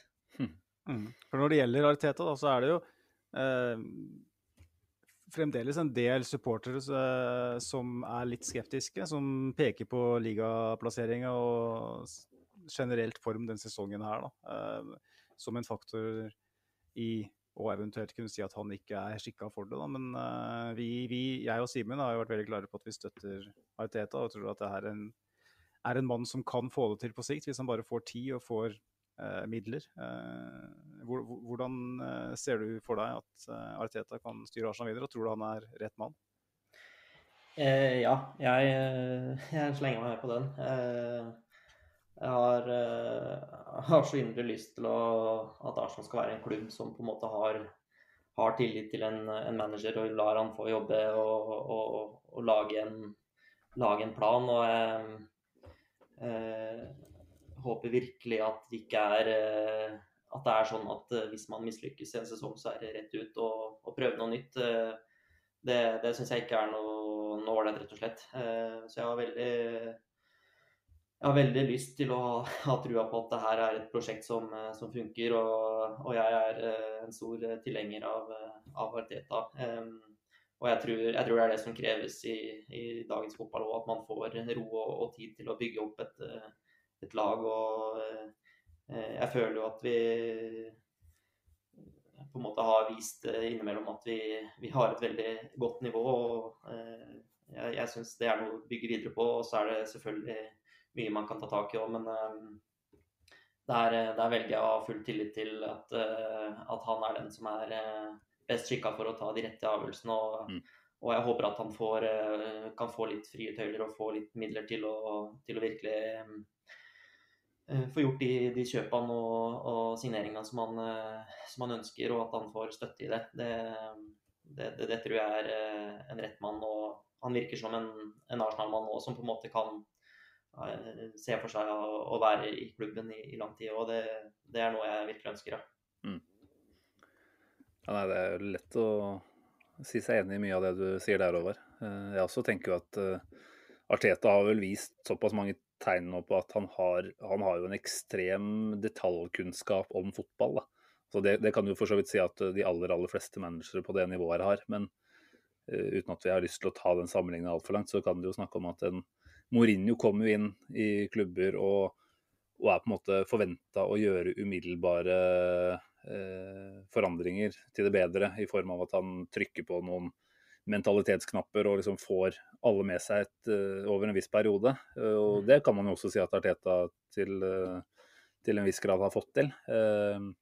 Men, men, at Mourinho har jo ikke noe Og han er i hvert fall utdatert, kan du si nå, da, men også tidligere så har han jo ikke hatt en sånn helt uh, Skal vi si uh, avansert form for fotballtenking som på en måte gjør at man kan få troa på at det blir bedre og bedre etter som tida går. Mens uh, med Arteta så tenker i hvert fall jeg at det er mange ting som tyder på at her er det her er det en veldig veldig klar plan for hvordan man vil at ting skal se ut på fotballbanen etter hvert. Da. Alt fra City tyder på at han jobber veldig veldig bra med enkeltspillere for å få mest mulig ut av dem. Så, mm. så jeg tenker jo som deg at det er, det er en fyr man må gi tid. Og det er ikke noe tvil om at det var veldig mange ting som ikke var på stell eh, i Arsenal når han tok over. Mm. Uh, en prosess som har liksom pågått i mange, mange år, hvor vi har vært blitt gradvis dårligere sesong etter sesong. Så det å mm. Så klart så tok han oss til en FA Cup-triumf, og det var kanskje lett å tenke at nå, nå snur, snur, det her veldig kjapt. Uh, men, det, men, det, er ting som stikker dypt, da, åpenbart. Og det må skifte kulturen uh, og rett og slett fjerne noen av de spillerne som har vært uh, bidragsytende i negativ forstand. Det, det, tar litt tid. Så nei, jeg, jeg håper som deg at dette her er noe vi er in it for the long run.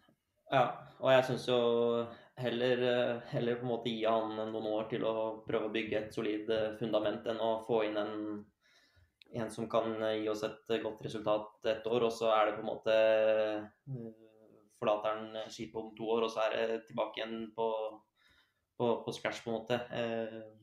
Jeg syns jo Jeg er jo jeg syns det er ålreit å ha et, et, lag med en, en manager som måte sitter, sitter, en stund og på en måte bygger opp et, et skikkelig solid uh, mannskap og har, uh, har, spillere som man på en måte har bygd opp stein på stein og plutselig begynner å ta steg. og Det, det føler jeg vi, vi, ser nå med de med unggutta nå. Det, mm. det, det, det syns jeg, synes jeg er veldig det er verdt å, å, vente og ha noen tunge perioder for å, for å se hva det jeg, jeg, tror det potensialet kan være veldig høyt, og det, det syns jeg er verdt å, å, å, ha noen tunge kamper og kanskje perioder framover for å, for å se hva, hva, de kan få til etter hvert. Ja, det er jo fristende å bruke deg som eksempel, Håvard. Altså, som du sa tidligere i stad, altså, du har jo trent hvor mange hundre eller tusen timer er det snakk om i løpet av et år i veldig mange år.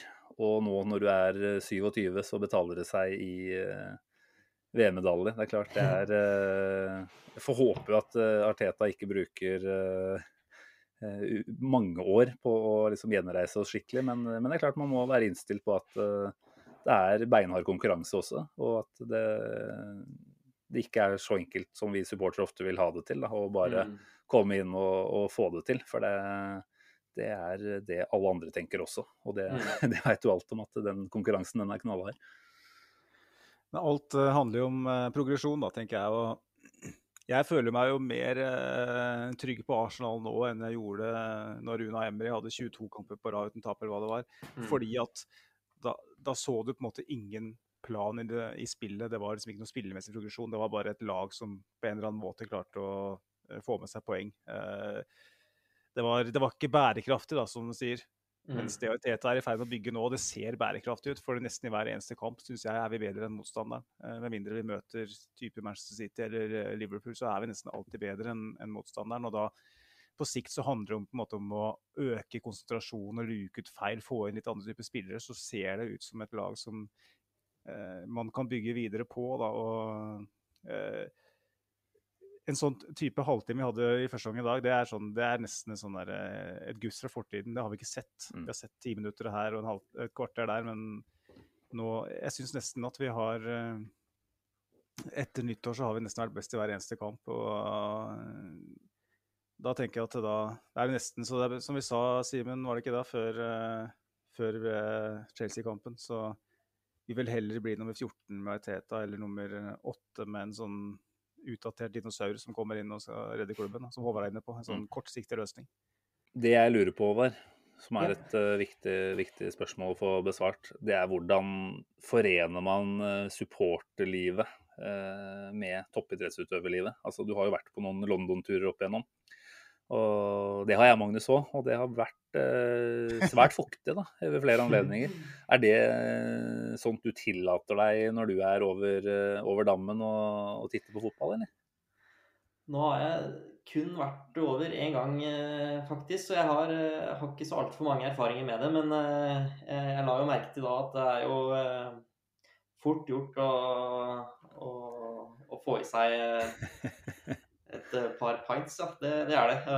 Men det, det, er absolutt forenlig. Og det er jo ikke så mange, mange deler av året vi, vi, har mulighet til å reise over. Så når jeg var over sist, så var det vel i april. Så det mm, det, i 2017. Så det var eh, Det, er, det, det går an å, å, prioritere litt andre, enn, andre ting enn å, å trene og, og sove. Det, det, gjør det. For det må jo være altså Når du lever under et ganske strikt regime mange måneder da, eh, av året, så må det være godt å kunne skeie ut uh, litt, i hvert fall, ved noen anledninger. Og da, da tenker jeg en London-tur er vel beste mulighet. Hvilken kamp var det du var på i 2017? Da var jeg på FA Cup-semifinalen eh, på Wembley mot, eh, mot City. Ja. Så det var jo en fin, eh, fin debut, da. Så, nice. Eh, men eh, ja, det er jo, jeg har fortsatt eh, Emirates til gode. Men det var jo, var jo, planen min her nå i løpet av fjoråret eller nå i nærmeste framtid. Men det har jo vært noe som har satt en stopper for, for den reisinga der, så det, den får jeg ha til gode. Mm. Det kommer jo en uh, tid etter skikarrieren, uh, Håvard, så uh, du får si ifra. Da skal vi stille opp med pints på Gunners pub utafor Ja, det, det, er jeg med på. Det, det, det høres ut som du framskiva karrieren et par år her nå. Ja, jeg har jo lagt opp i det. Jeg la opp, jeg opp når jeg var 17, så jeg har holdt på en stund. Så det, der, der har jeg rutinen. Så det er bare å spørre ja, ja, men det er greit å lytte til erfarne fjellfolk, er ikke det man sier. Men, uh... Ja, vi var inne på det med teknikktips og sånn, så det, ja, ja. Der, kan jeg, der, kan både jeg og Simen bidra. Ja, bra. Ja, hvordan, ser, uh, hvordan ser en uh, sesong ut for deg? Altså, nå er det vel sånn dessverre at NM i år da, måtte avlyses. og da, da var du inne på det at sesongen sånn sett er, er over på mange måter. Mm. Eh, når er det du på en måte setter i gang med oppkjøringa til, til neste års, eller neste sesongs start? da? Sånn uh, offisielt så, så, begynner vi uh, har vi på en måte 1. Eh, mai begynner, uh, begynner liksom tellinga på, på, ny sesong. Da. Um, så sånn grovt, grovt, oppdelt så har vi si preseason fra, fra, mai til sånn midten av november. Og så er det konkurranser da fra, fra november og til, til mars da, med de viktige renn. Og så Uh, og så er det selvfølgelig litt sånn I april er jo en veldig en rolig måned, men uh, man slenger seg med på litt, uh, litt sånn artige turrenn eller, eller har mulighet til å få kobla litt skikkelig den måneden her, da. Så det er det sånn grovt sett året, året ser ut. Men det er klart, sommermåneden er jo det er jo mye trening, men mm. man, man, man, skrur ikke til skikkelig med, både, med, med fokus og, og, den biten. Så det er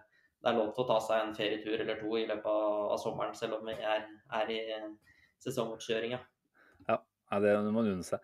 Et annet spørsmål som jeg syns er ganske relevant å stille når man har en langrennsløper på, på lufta her, da, det er jo den evige diskusjonen. Hvem er eh, altså sånn utøvergrupper da, best trent? Fotballspillere eller eh, langrennsløpere? Oi. Eh, jeg, jeg skjønner at man trener på forskjellig vis, ikke sant? Nå må jeg være forsiktig her. Nei, nei, kjør på. Eh, eh, nei, altså det, det, har jeg for så vidt fått opplevd selv. Eh, jeg spiller jo, jeg har fått spilt litt sjettedivisjon her på, på, Lillehammer. og har fått prøvd meg på noen eh, to ganger 45 minutter.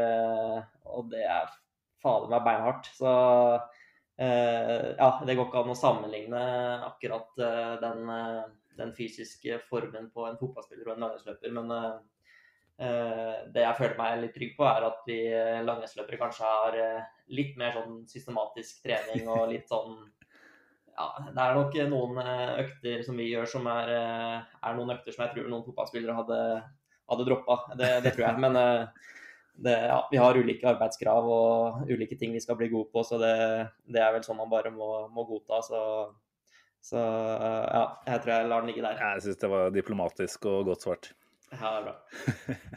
Det er, vel, det er vel grunn til å påpeke at uh, de som spilte for Arsenal på 80-90-tallet, som gjerne tok seg en 15-16 halvliter dagen før match, uh, kanskje ville slitt uh, skiløype selv den gangen? Ja, det håper jeg, håper jeg virkelig. At, at det ikke er der vi må begynne å legge oss. Jeg føler at jeg for så vidt er et eksempel på det du nevner der, Magnus. Jeg har vel ca. samme alkoholkonsum som en fotballspiller på 80-90-tallet. Og har jo prøvd meg i skiløypa noen ganger. Jeg gikk jo opp et spor, eller Vasalopp-varianta, eh, for noen år tilbake. Og fy faen, det var, det var tungt det de siste tre timene ca.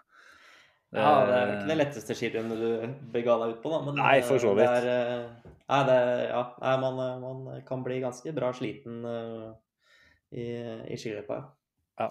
All, all, mulig respekt for det man holder på med der. Det er, sånn, igjen, det er lett når man ser det på TV, for da sitter teknikken og, og alt uh, flyter. Da. Men prøve, prøve, seg i noen av de motbakkene som uh, dere hopper opp, det, det er umenneskelig, nesten.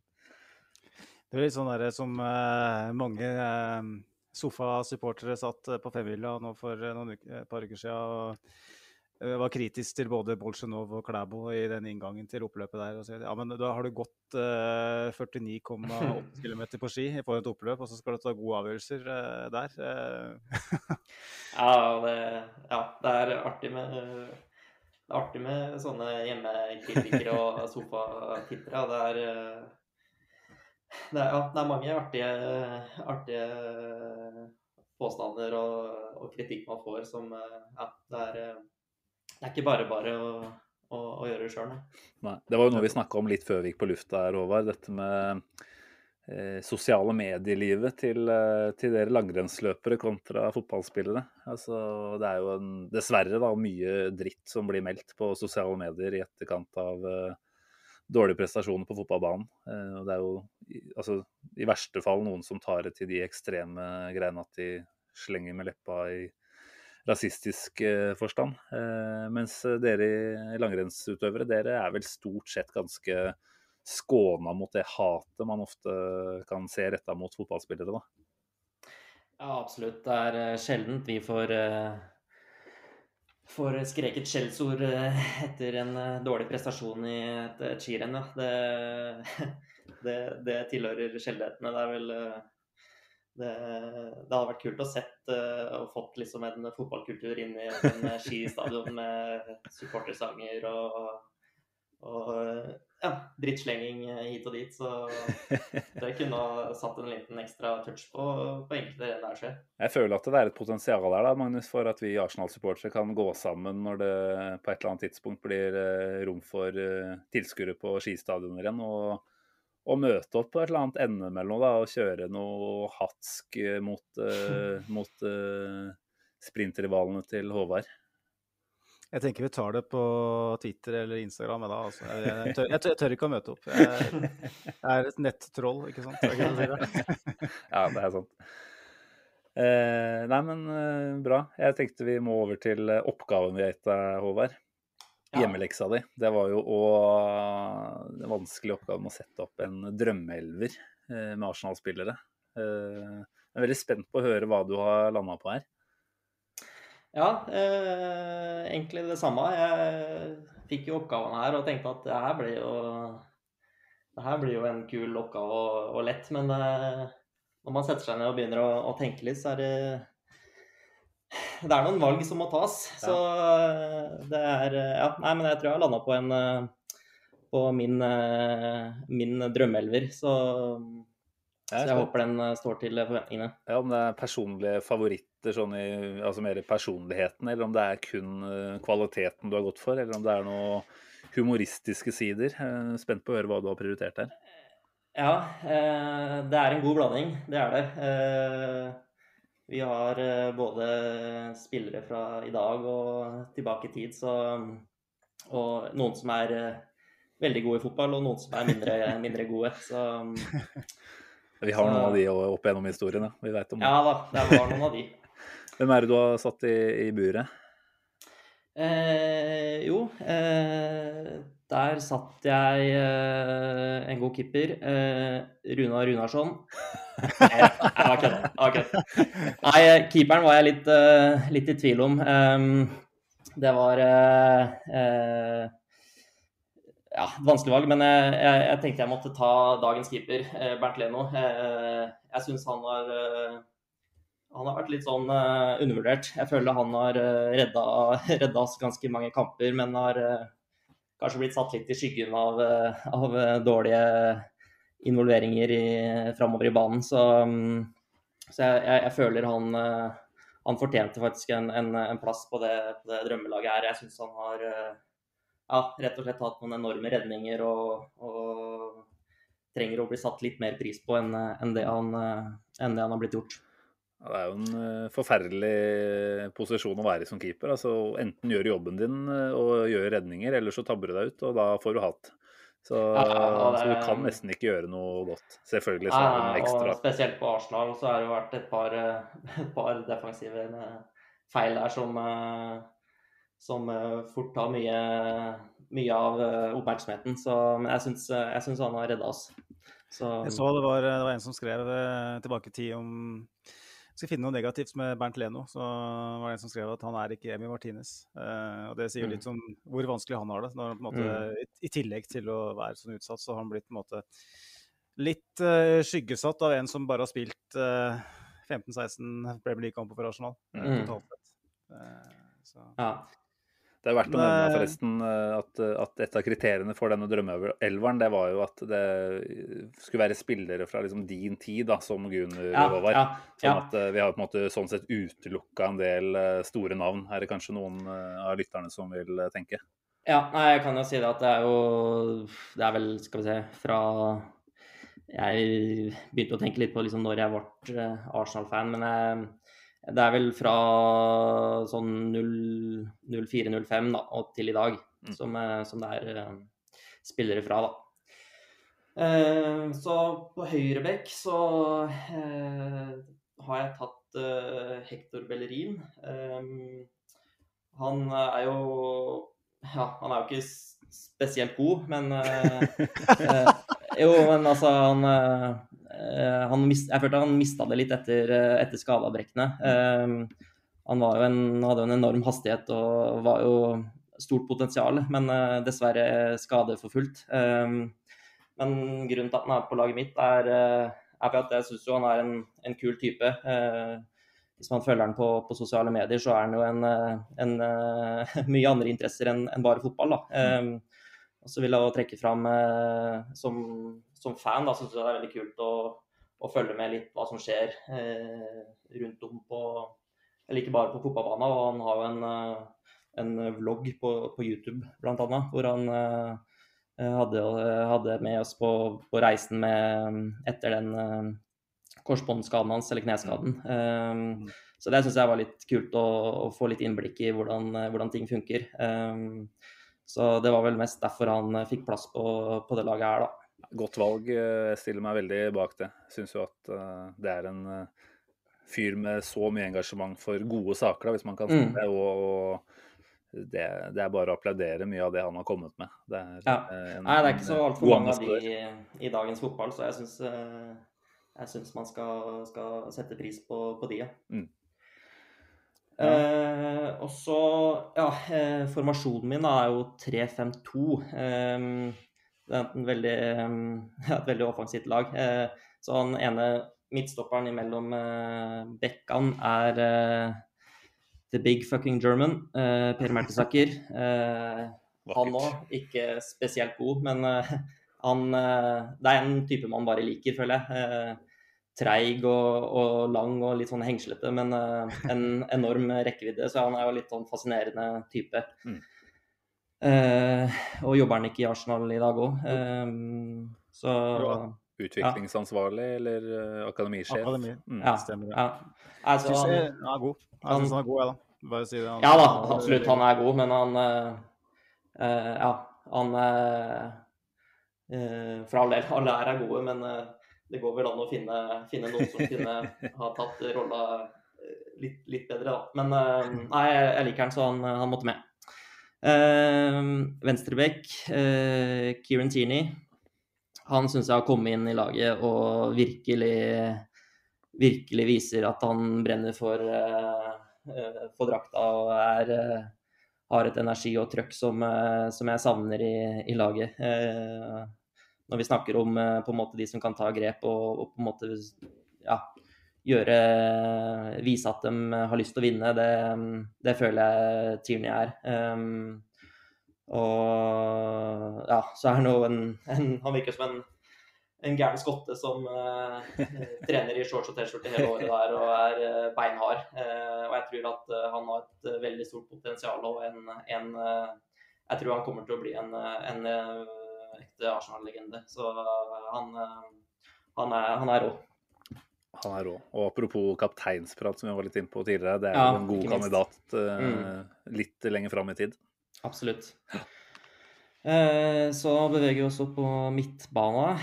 Um, da har vi da X-spilleren fra forrige uke, Patrick Vieira. Nice. han er jo Ja, jeg fikk jo ikke sett så veldig mye av han Eh, men, uh, live. Men jeg har jo sett uh, diverse klipp på, på, YouTube, og det er jo virkelig en, en sånn type som, som, jeg virkelig ønsker at vi skulle hatt i, i, i Arsenal. Så apropos en kriger og vinner, så, så er jo han Han er vel det, det det, betyr. Um, og ja, jeg håper jo, som dere var inne på, på sist òg, at, at Thomas Party kanskje kan være å ta, ta litt den, eh, den rolla der, da. Um, så er vel kanskje det litt for mye å, å be om, da. Mm. Nei, det er så, godt ja. valg som vi stiller oss ja. bak her nok en gang. Jeg er helt, helt enig i det. Det, det er mm. egentlig altfor mye å be om. Eh, Patrick Wæra han var det hjertet i, i, laget i så mange mm. år og en helt ekstrem eh, fotballspiller. Så ja. hvis Thomas Party kan være en tredjedel av det, så har vi gode forutsetninger. Ja, Altså uten sammenligning for øvrig, men eh, eh, som jeg var inne på, så jeg spilte jo, jeg spilte jo litt sjettedivisjonsfotball. og eh, Da spilte vi en gang mot eh, Øye 13, som er litt nord for Lillehammer her. og da, da, var det en type på det laget som minna meg så sinnssykt om Patrick Vera. Han var svær og kraftig og hadde så, liksom, var så lung på banen og styrte spill og bare Jeg, jeg kjente jeg var liksom redd når jeg var ute på banen her. og jeg kan liksom bare se for meg Eller husker jeg at jeg liksom ledde meg litt inn i det og tenkte at fader, sånn, eh, sånn var å møte han, liksom. Det, så det Nei, det, det, det, er en spiller som, eh, som, er sjelden, som jeg håper vi, vi får. Mm. Uh, Nestemann er uh, Santi Casorla. Um, mm. Ja, han er jo en uh, trollmann, kan man si. Uh, og synd med, med, skadene og, og sånn som forfulgte han. Uh, han var jo en uh, ekstrem uh, tekniker, og det at han uh, ja, kan bare skifte med, med høyre og venstre foten, om det er corner eller dødballer eller et eller annet, det, det syns jeg er veldig fascinerende. Så han må med. Ja, Det syns jeg er et veldig godt valg, som kanskje ofte ikke blir helt tatt med i disse sammenhengene. Mm. Vant jo, hva var det? To FA-cuper før han forlot oss. Så mm. kan du på en måte argumentere for at han ikke var den aller største suksessen eh, på flere områder. Men eh, han, eh, han, var jo magiker, som du sier. Mye av det han holdt på med, var uh, ut av en annen verden. Ja, og det, ja jeg syns det er fascinerende med sånne små fotballspillere som bare tar, tar og leker seg rundt med, med store kjemper i, i, Premier League der, så det, det, det er artig. Mm. Eh, så har han jo, ja, apropos magiker, nestemann er eh, Alexis Sanchez. Mm. Mm. Eh, med både teknikk og, og langskudd og, og, det som var. Og eh, fantastisk artig, artig, fotballspiller. Og eh, ja, trist at han forsvant eh, til United her, og, men eh, han lykkes vel ikke så godt der, så det var vel greit. og ja, som jeg var inne på i stad, så var jeg jo på FA Cup-semien i 2017 på Wembley. Um, mot City. Eh, og da fikk jeg jo se han live. Eh, det ble jo da 2-1 eh, til Arsenal etter ekstraomganger.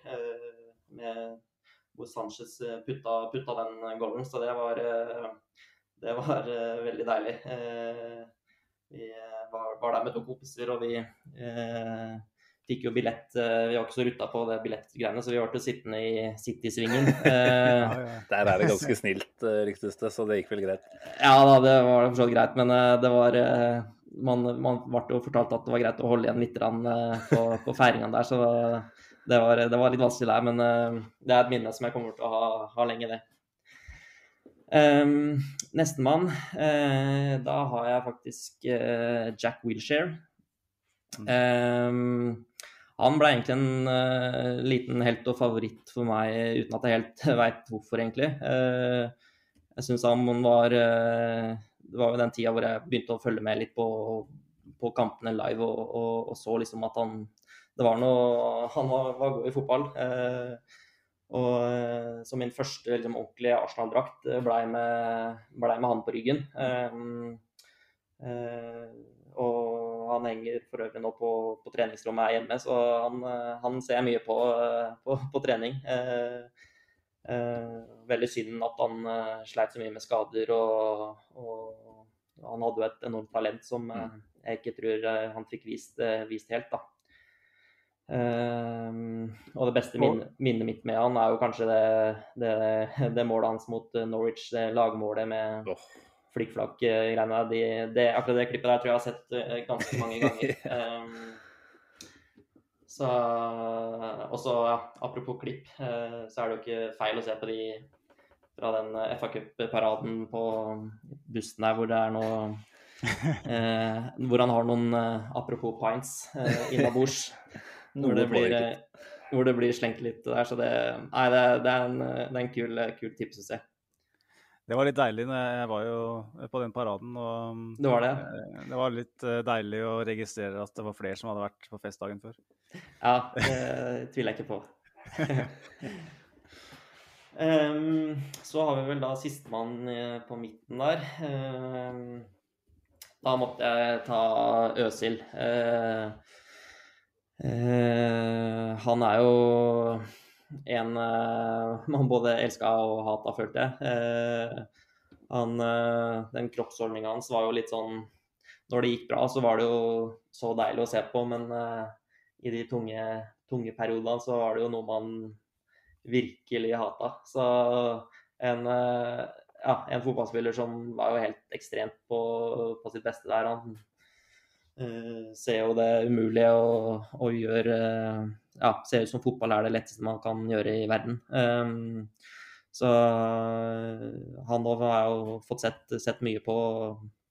Veldig, veldig fascinert over, eh, over sånne typer spillere. Eh, så ja, jeg er jo veldig lei meg for at det endte som det endte med, med den saken. Og jeg skulle gjerne likt å sett at han fikk en, en eh, litt bedre avslutning i, i Arsenal enn det han, enn det han gjorde, da. Men eh, det, det får han jo ikke gjort noe med nå.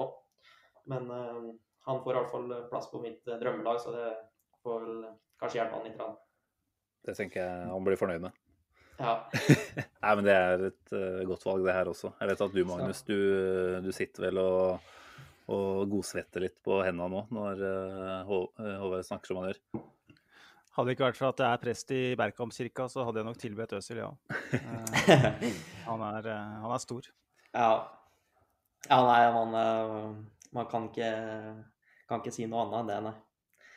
Eh, Så er det da de to på topp. Eh, Da har jeg faktisk eh, Olivier Giroud. Mm. Han husker jeg at jeg, jeg hadde et sånn derre man-crush på han, egentlig. For han en sånn nydelig fyr med sveisen og skjegget. Og jeg husker jeg jo var i den perioden hvor jeg syntes at skjegg, det var, det var rått, og det ville jeg ha. Så da, da var det jo klart at da så jeg jo på, på Giroud som, som forbilde på, på den biten. Um, og så har man jo selvfølgelig blitt underholdt av de sinnssyke fine måla han har skåret. Uh, og du var inne på det i, i stad, Magnus, med det skorpionsparket. Uh, det er jo, hvis man går inn på YouTube og ser på, på Best of-mål av av Giroud, så er det ganske, ganske enormt eh, register han har, har der, altså. Ja, det er helt vilt, faktisk. Og ikke minst eh, er han jo ganske bra til å, til å sette opp lagkameratene òg. Mm. Eh, I forhold til eh, Jack Wilshere-målet som jeg snakka på i stad, så var jo han en, en stor eh, grunn til at det, det gikk. Fins det noe bedre i, i verden på sånne flikker inni boksen? Sånn feilvendt? Nei, det er noe sånn derre det man sa man ikke at det var det mest uh, målet man så. Det var liksom Han hadde en egen måte å avslutte på. Det var liksom sånn kun, kun sånn som jeg følte han eh, fikk til. Uh, så det uh, Nei, jeg, jeg er jo for så vidt forholdsvis svak for, eh, for franske fotballspillere, men eh, Så eh, han eh, han er, er jeg egentlig fortsatt eh, glad i som, som spiller.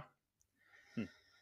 Eh, så har vi da sistemann på topp. Eh, da er det jo da eh, Ary. Eh, der føler jeg det er ikke noe jeg er ikke, er ikke noe å si, på en måte. Det er jo Han er, min, min, han er på en måte mitt største Han er verdens beste fotballspiller, eh, spør du meg. Jeg syns han han var helt, eh, helt enorm. Eh, og eh, ja, han, han er kanskje grunnen til at jeg blei ble Arsenal-fan nå. Eh, hvis man begynner å måtte stille seg de spørsmålene om hvorfor man begynner å heie på et lag, så, så var jo Jeg var jo en stor samler av fotballdrakter da jeg var, var liten. og og jeg husker den røde Arsenal-drakta med Oto på brystet og nummer 14 og Ary på, på ryggen. Det var den som ble først utslitt, og den jeg brukte desidert mest. Og det var liksom eh, Nei, han eh, eh, Han syns jeg er den, er den største, egentlig. Mm. Og ja, han At han ikke vant gullballen det ene året der, det er jo helt katastrofe.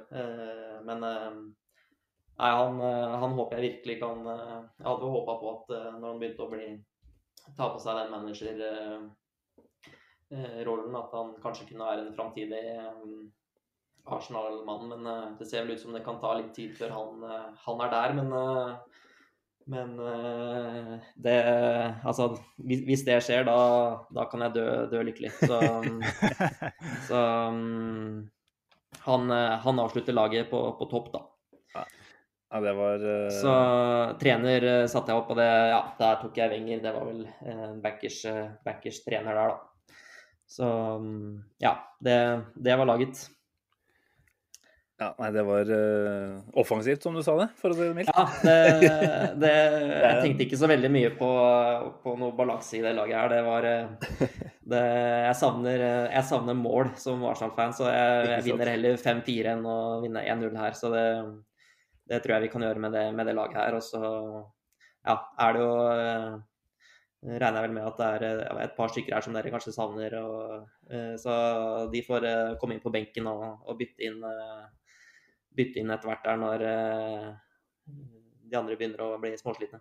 Jo, nei, så lenge du har med Henri og til og med sier at det er den store favoritten, så, så har du backing fra meg uansett, altså. Det, er, Ja. eh, det jeg- 100% Ja, jeg regner med at jeg kanskje burde hatt med Bergkant her for å få begge fornøyde, men uh, det, får, eh, det får bli en annen gang. Hadde du vært ti år eldre, så hadde jeg vært veldig uh, indignert akkurat nå. hvis Ja, nei, altså, herregud, Bergkamp, han uh, ja, jo, ja, det er jo Han er en stor, stor spiller, han òg, som eh, man selvfølgelig har sett mye klipp av som eh, ja, en helt uh, utenomjordisk eh, spiller, egentlig. Så han kunne lett ha vært med her. Men eh, det var, var noen andre der som, hadde, som jeg hadde hadde noe ekstra med der som jeg tenkte jeg måtte ta med. Ja, men så det handler jo om hvem du har eh, opplevd eh, selv. og Mm. hvis Du er født i 93, er det ikke da? Og da Ja, var det fire-fem år når Bergkamp herja på sitt verste. Så det, det sier seg sjøl at, at det blir noe annet. Ja. Nei, det er godt eh, levert her, eh, Håvard. Veldig godt eh, utvalg. Så jeg tenker det er mange som kan stille seg bak det, det du har gjort her, altså. Og så ser dere at klokka den flyr jo fra oss. Det er jo sånn det gjerne blir når man har hyggelig. Men jeg lurer på om vi, Magnus, må flytte fokus over på vår siste faste spalte for hver episode, som jo er ditt tilbakeblikk til en eks-spiller. Er, du- Ja. Du har vel, eh, til tross for litt eh, sånn skralten skra, Ja, litt eh, skral heter det vel, fysisk helse, klart å stable noe bra på beina denne uka også? Om det er bra, det får andre avgjøre, men noe er stabla på beina her. Så jeg skal prøve å komme gjennom det. Ja, vi, vi runder av på en høydare, da, så da er det bare å kjøre på. Klubbens store gullkalv ble tatt med buksene nede for femte gang. For femte gang på kort tid kunne lokalavisa rapportere om at unggutten hadde utøvet hemskegymnastikk for et klekkelig vederlag på et av byens mest fasjonable hotell. Klubbens reprimande var fem kampers utestengelse. Da de tapte den første av disse kampene, var alt tilgitt. Teknikeren var tilbake i varmen, og hans innflytelse ble stadig større. Lagkameratene fikk ikke lenger lov til å nærme seg ham på trening. Som en gjeng med adebayorer med ny kontrakt måtte de unngå å komme nær ham, og pent la klubben selge ku for elleville mengder med dekar å beite på. Resultatet av en hard takling var 5000 dollar i bot. Kvinnebedåreren fikk dermed stort sett fritt leide til garnet. Og apropos fritt leide. Dagens X-spiller hadde, som nevnt, få problemer med å høste hakk i sengehesten. Likevel hadde han et mildt sagt spesielt forhold til det motsatte kjønn. Når han ikke scora på banen eller på bordell, nøt han en tilværelse som designer av kvinneklær. Et faktum det er vanskelig å begripe når man vet hvilke kvinnesyn dette mytiske ikonet står for. Han har bl.a. uttalt følgende. Hvis du ser en bil som oppfører seg rart og ukontrollert, så vet du at det er en kvinnelig sjåfør. Det er alltid en kvinne. Vi er nødt til å bygge et eget veisystem til dem. Denne podkasten støtter imidlertid ikke disse synspunktene, bare for å ha det på det rene. Men tilbake til fotballkarrieren hans. Etter å ha herja i hjemlig liga en årrekke, samt skrudd på sjarmen under EM, fikk endelig stortalentet sjansen på den store scenen. Arsen Wenger hadde latt seg imponere, og angriperen gikk fra å være gud i hjembyen til å være frelser på Balløya. Arsenal var i ferd med å sakke akterut i kampen om en topp fire-plassering og trengte inspirasjon. Og det fikk de. Sjelden har en nyervervelse hatt en så stor impact fra første stund. Vi bivånet en artist i manesjen som med den største selvfølgelighet kunne leke seg forbi motstandere, tre pasninger gjennom umulige nåløyer og varte opp med de vakreste skåringer. Jeg fikk ikke til så mye i dag, uttalte han etter å ha skåra fire på Anfield i et episk drama. Denne mannen har alt, denne mannen kan skyte oss til heder og ære, trodde vi. På denne tiden visste vi lite om stjernespillerens bravader i hjemlandet, selv om vi nok mistenkte at han var, la oss si, en litt annerledes karakter. Noen hint fikk vi nemlig via hans legendariske hjemmeside, hvor han besvarte alle slags spørsmål fra fansen. Blant annet dette her. I hvilken rekkefølge vil du rangere følgende dyr? Tiger, ku, gris, hest og sau. Og dette var responsen fra X-spilleren. Grisen vil alltid få sisteplassen, så da blir det tiger, ku, hest og sau. Og jeg gjentar, grisen vil alltid komme til slutt, fordi den er en gris. En annen beundrer kunne fortelle at han slet med overvekt, og spurte Arsenal-stjernen om hva han burde gjøre. Slank deg, var det korte og presise svaret han fikk. Allerede i sesong nummer to begynte vi å se tegn til at dette mytiske geniet hadde trøbbel med å innfri forventningene. Gode prestasjoner og glimtvis klasse til tross, dette var ikke den samme trollmannen vi så innledningsvis. Resten av Arsenal-karrieren hans ble prega av gradvis regresjon, og det ble til slutt så ille at vi knapt fikk se ham være med på kampdager. Fra å være blant ligaens beste spillere så det ut til at ikke han hørte hjemme på dette nivået i det hele tatt. Likevel hadde denne spilleren en helt unik evne til å gjøre seg bemerka. Idet han var i ferd med å havne på Glemserns loft for godt, serverte han oss kanskje det mest ikoniske øyeblikket på Emirates Stadium noensinne, da han satte inn 2-1-skåringen mot verdens beste lag. Peps legendariske Barcelona-lag ble senka etter et mønsterangrep og grunnvollene til det toppmoderne anlegget skjelver nok fremdeles etter brølet fra de fremmedfødte. Undertegnede havna med joggeskoene i været og ansiktet i betongen da ingen av de likesinnede klarte å beherske seg. Det gjorde heller ikke skåringshelten, som like så godt avduka et bilde av seg sjøl da han løfta opp skjorta i den elleville feiringen. Dette ble også på mange måter hans siste store bidrag i Nord-London, før han igjen fortsatte sin jevne regresjon. Sesongen etter skåra han kun én gang på 19 kamper, og ble etter hvert lånt tilbake til sin tidligere klubb, da prestasjonene ikke lenger holdt mål. Det var til sin tidligere klubb han også etter hvert per returnerte permanent. Og der ble det i hvert fall skåra hyppig både på og utenfor banen, som det ofte ble tidligere. En leopard forandrer aldri sine flekker, heter det. Rett før jul i 2018 ble han filma da han kom ridende på hest ut av en av St. Petersburgs strippeklubber. Selvsagt fullstendig kanakas. Det er bare å si Nostrovia til en av tidenes karakterer, til et Arsenal-ikon, vel så kjent for ablegøyer som for fantastiske prestasjoner på banen. I am Gunnar Andrej Arshavin. Ja, det er jo et eventyr av greier du lister opp her, Magnus. Fy fader. Han er, han er så mye mer enn en fotballspiller, denne mannen. For en legende. Eller kulthelt er jo kanskje riktigere begrep å bruke her. Hva tenker du, Håvard? Dette er vel eh, en av de artigere karene vi har hatt i drakta?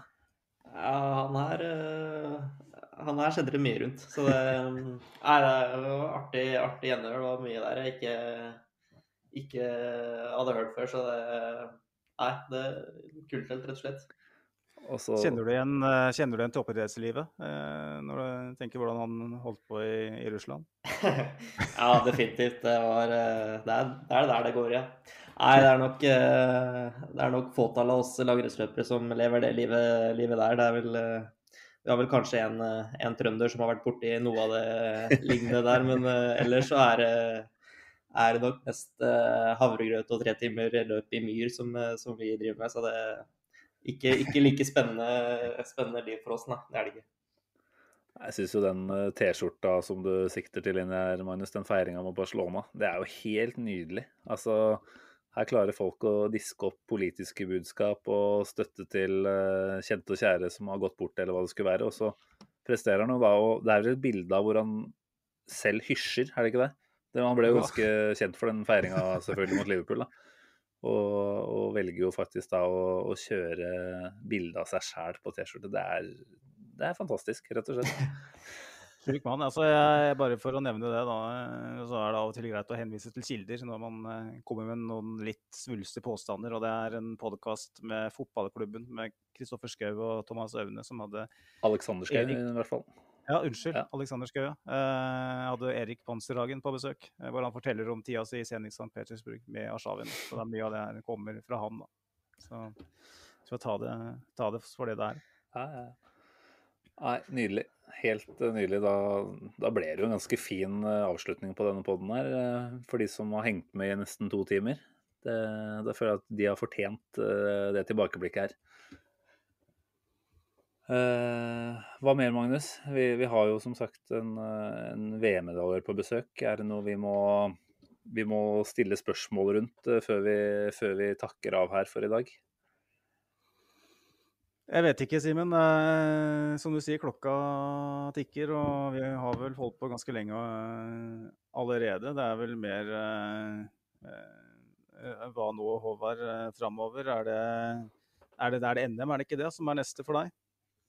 Det blei avlyst her tidligere i uka, så, ja, stemple, nå, så, nå, er det egentlig eh, ferdig for i år. Eh, så ja, så er det ikke så veldig mye annet man får gjort i, i koronatider. Så det er eh, prøver å holde litt, litt, koken med litt trening, i hvert fall ut den måneden her. Og så blir nok april en ganske ja, rolig, rolig måned med mye lystbetont trening og og den slags. Og ikke så veldig mye mer spennende enn det. Det eh, er jo OL-sesong neste år, så det, det blir en kul, kul, sesong eh, som jeg gleder meg til å ta fatt på. Så jeg, jeg håper virkelig at jeg kan få litt god, god underholdning på TV-en.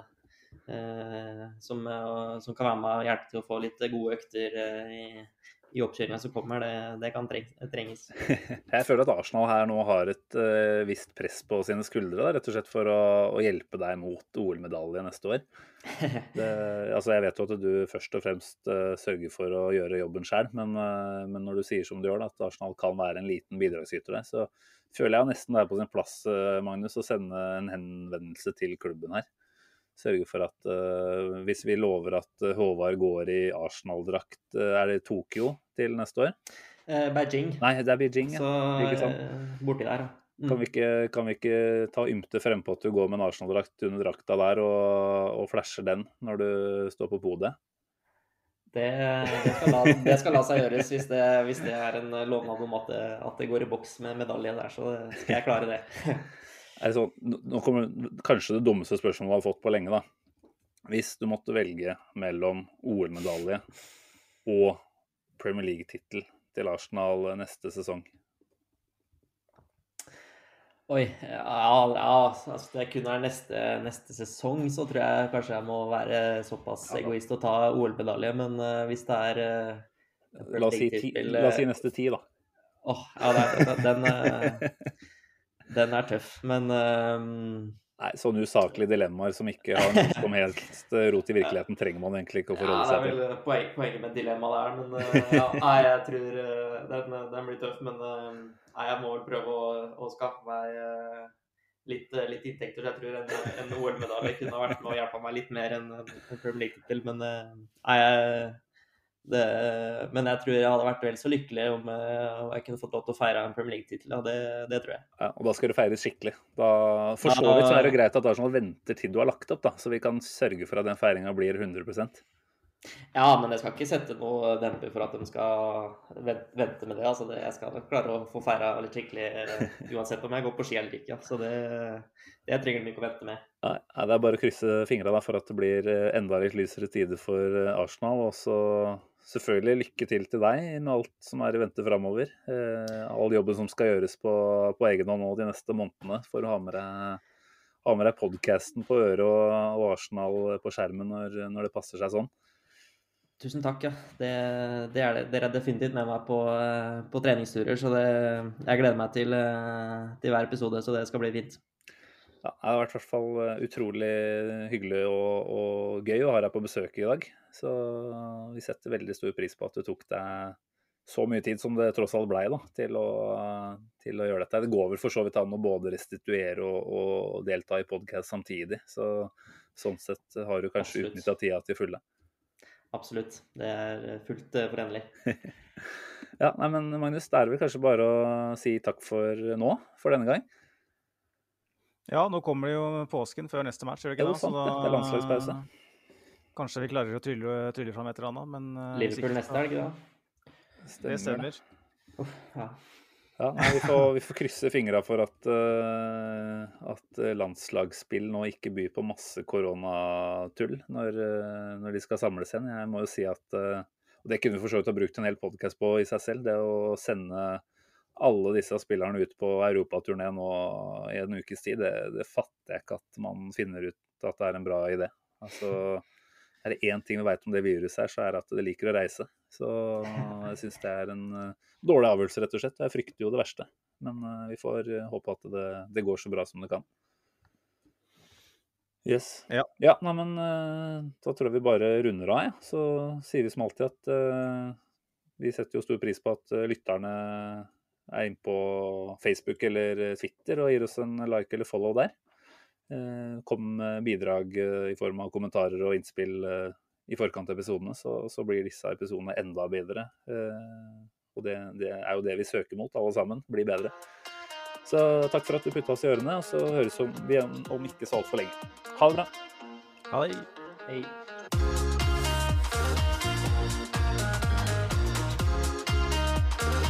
This train terminates here.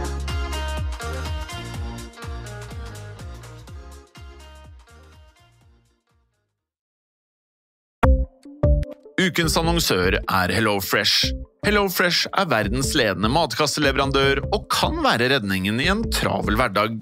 Mange av oss har nok vandret i butikken både sultne og uten en plan for middagen, som ender med at vi går for de samme kjedelige rettene gang på gang. Middag burde være dagens høydepunkt. Som Hello Fresh kan du nå velge mellom 25 ulike retter hver eneste uke, eller få Hello Fresh til å sette sammen menyen for deg.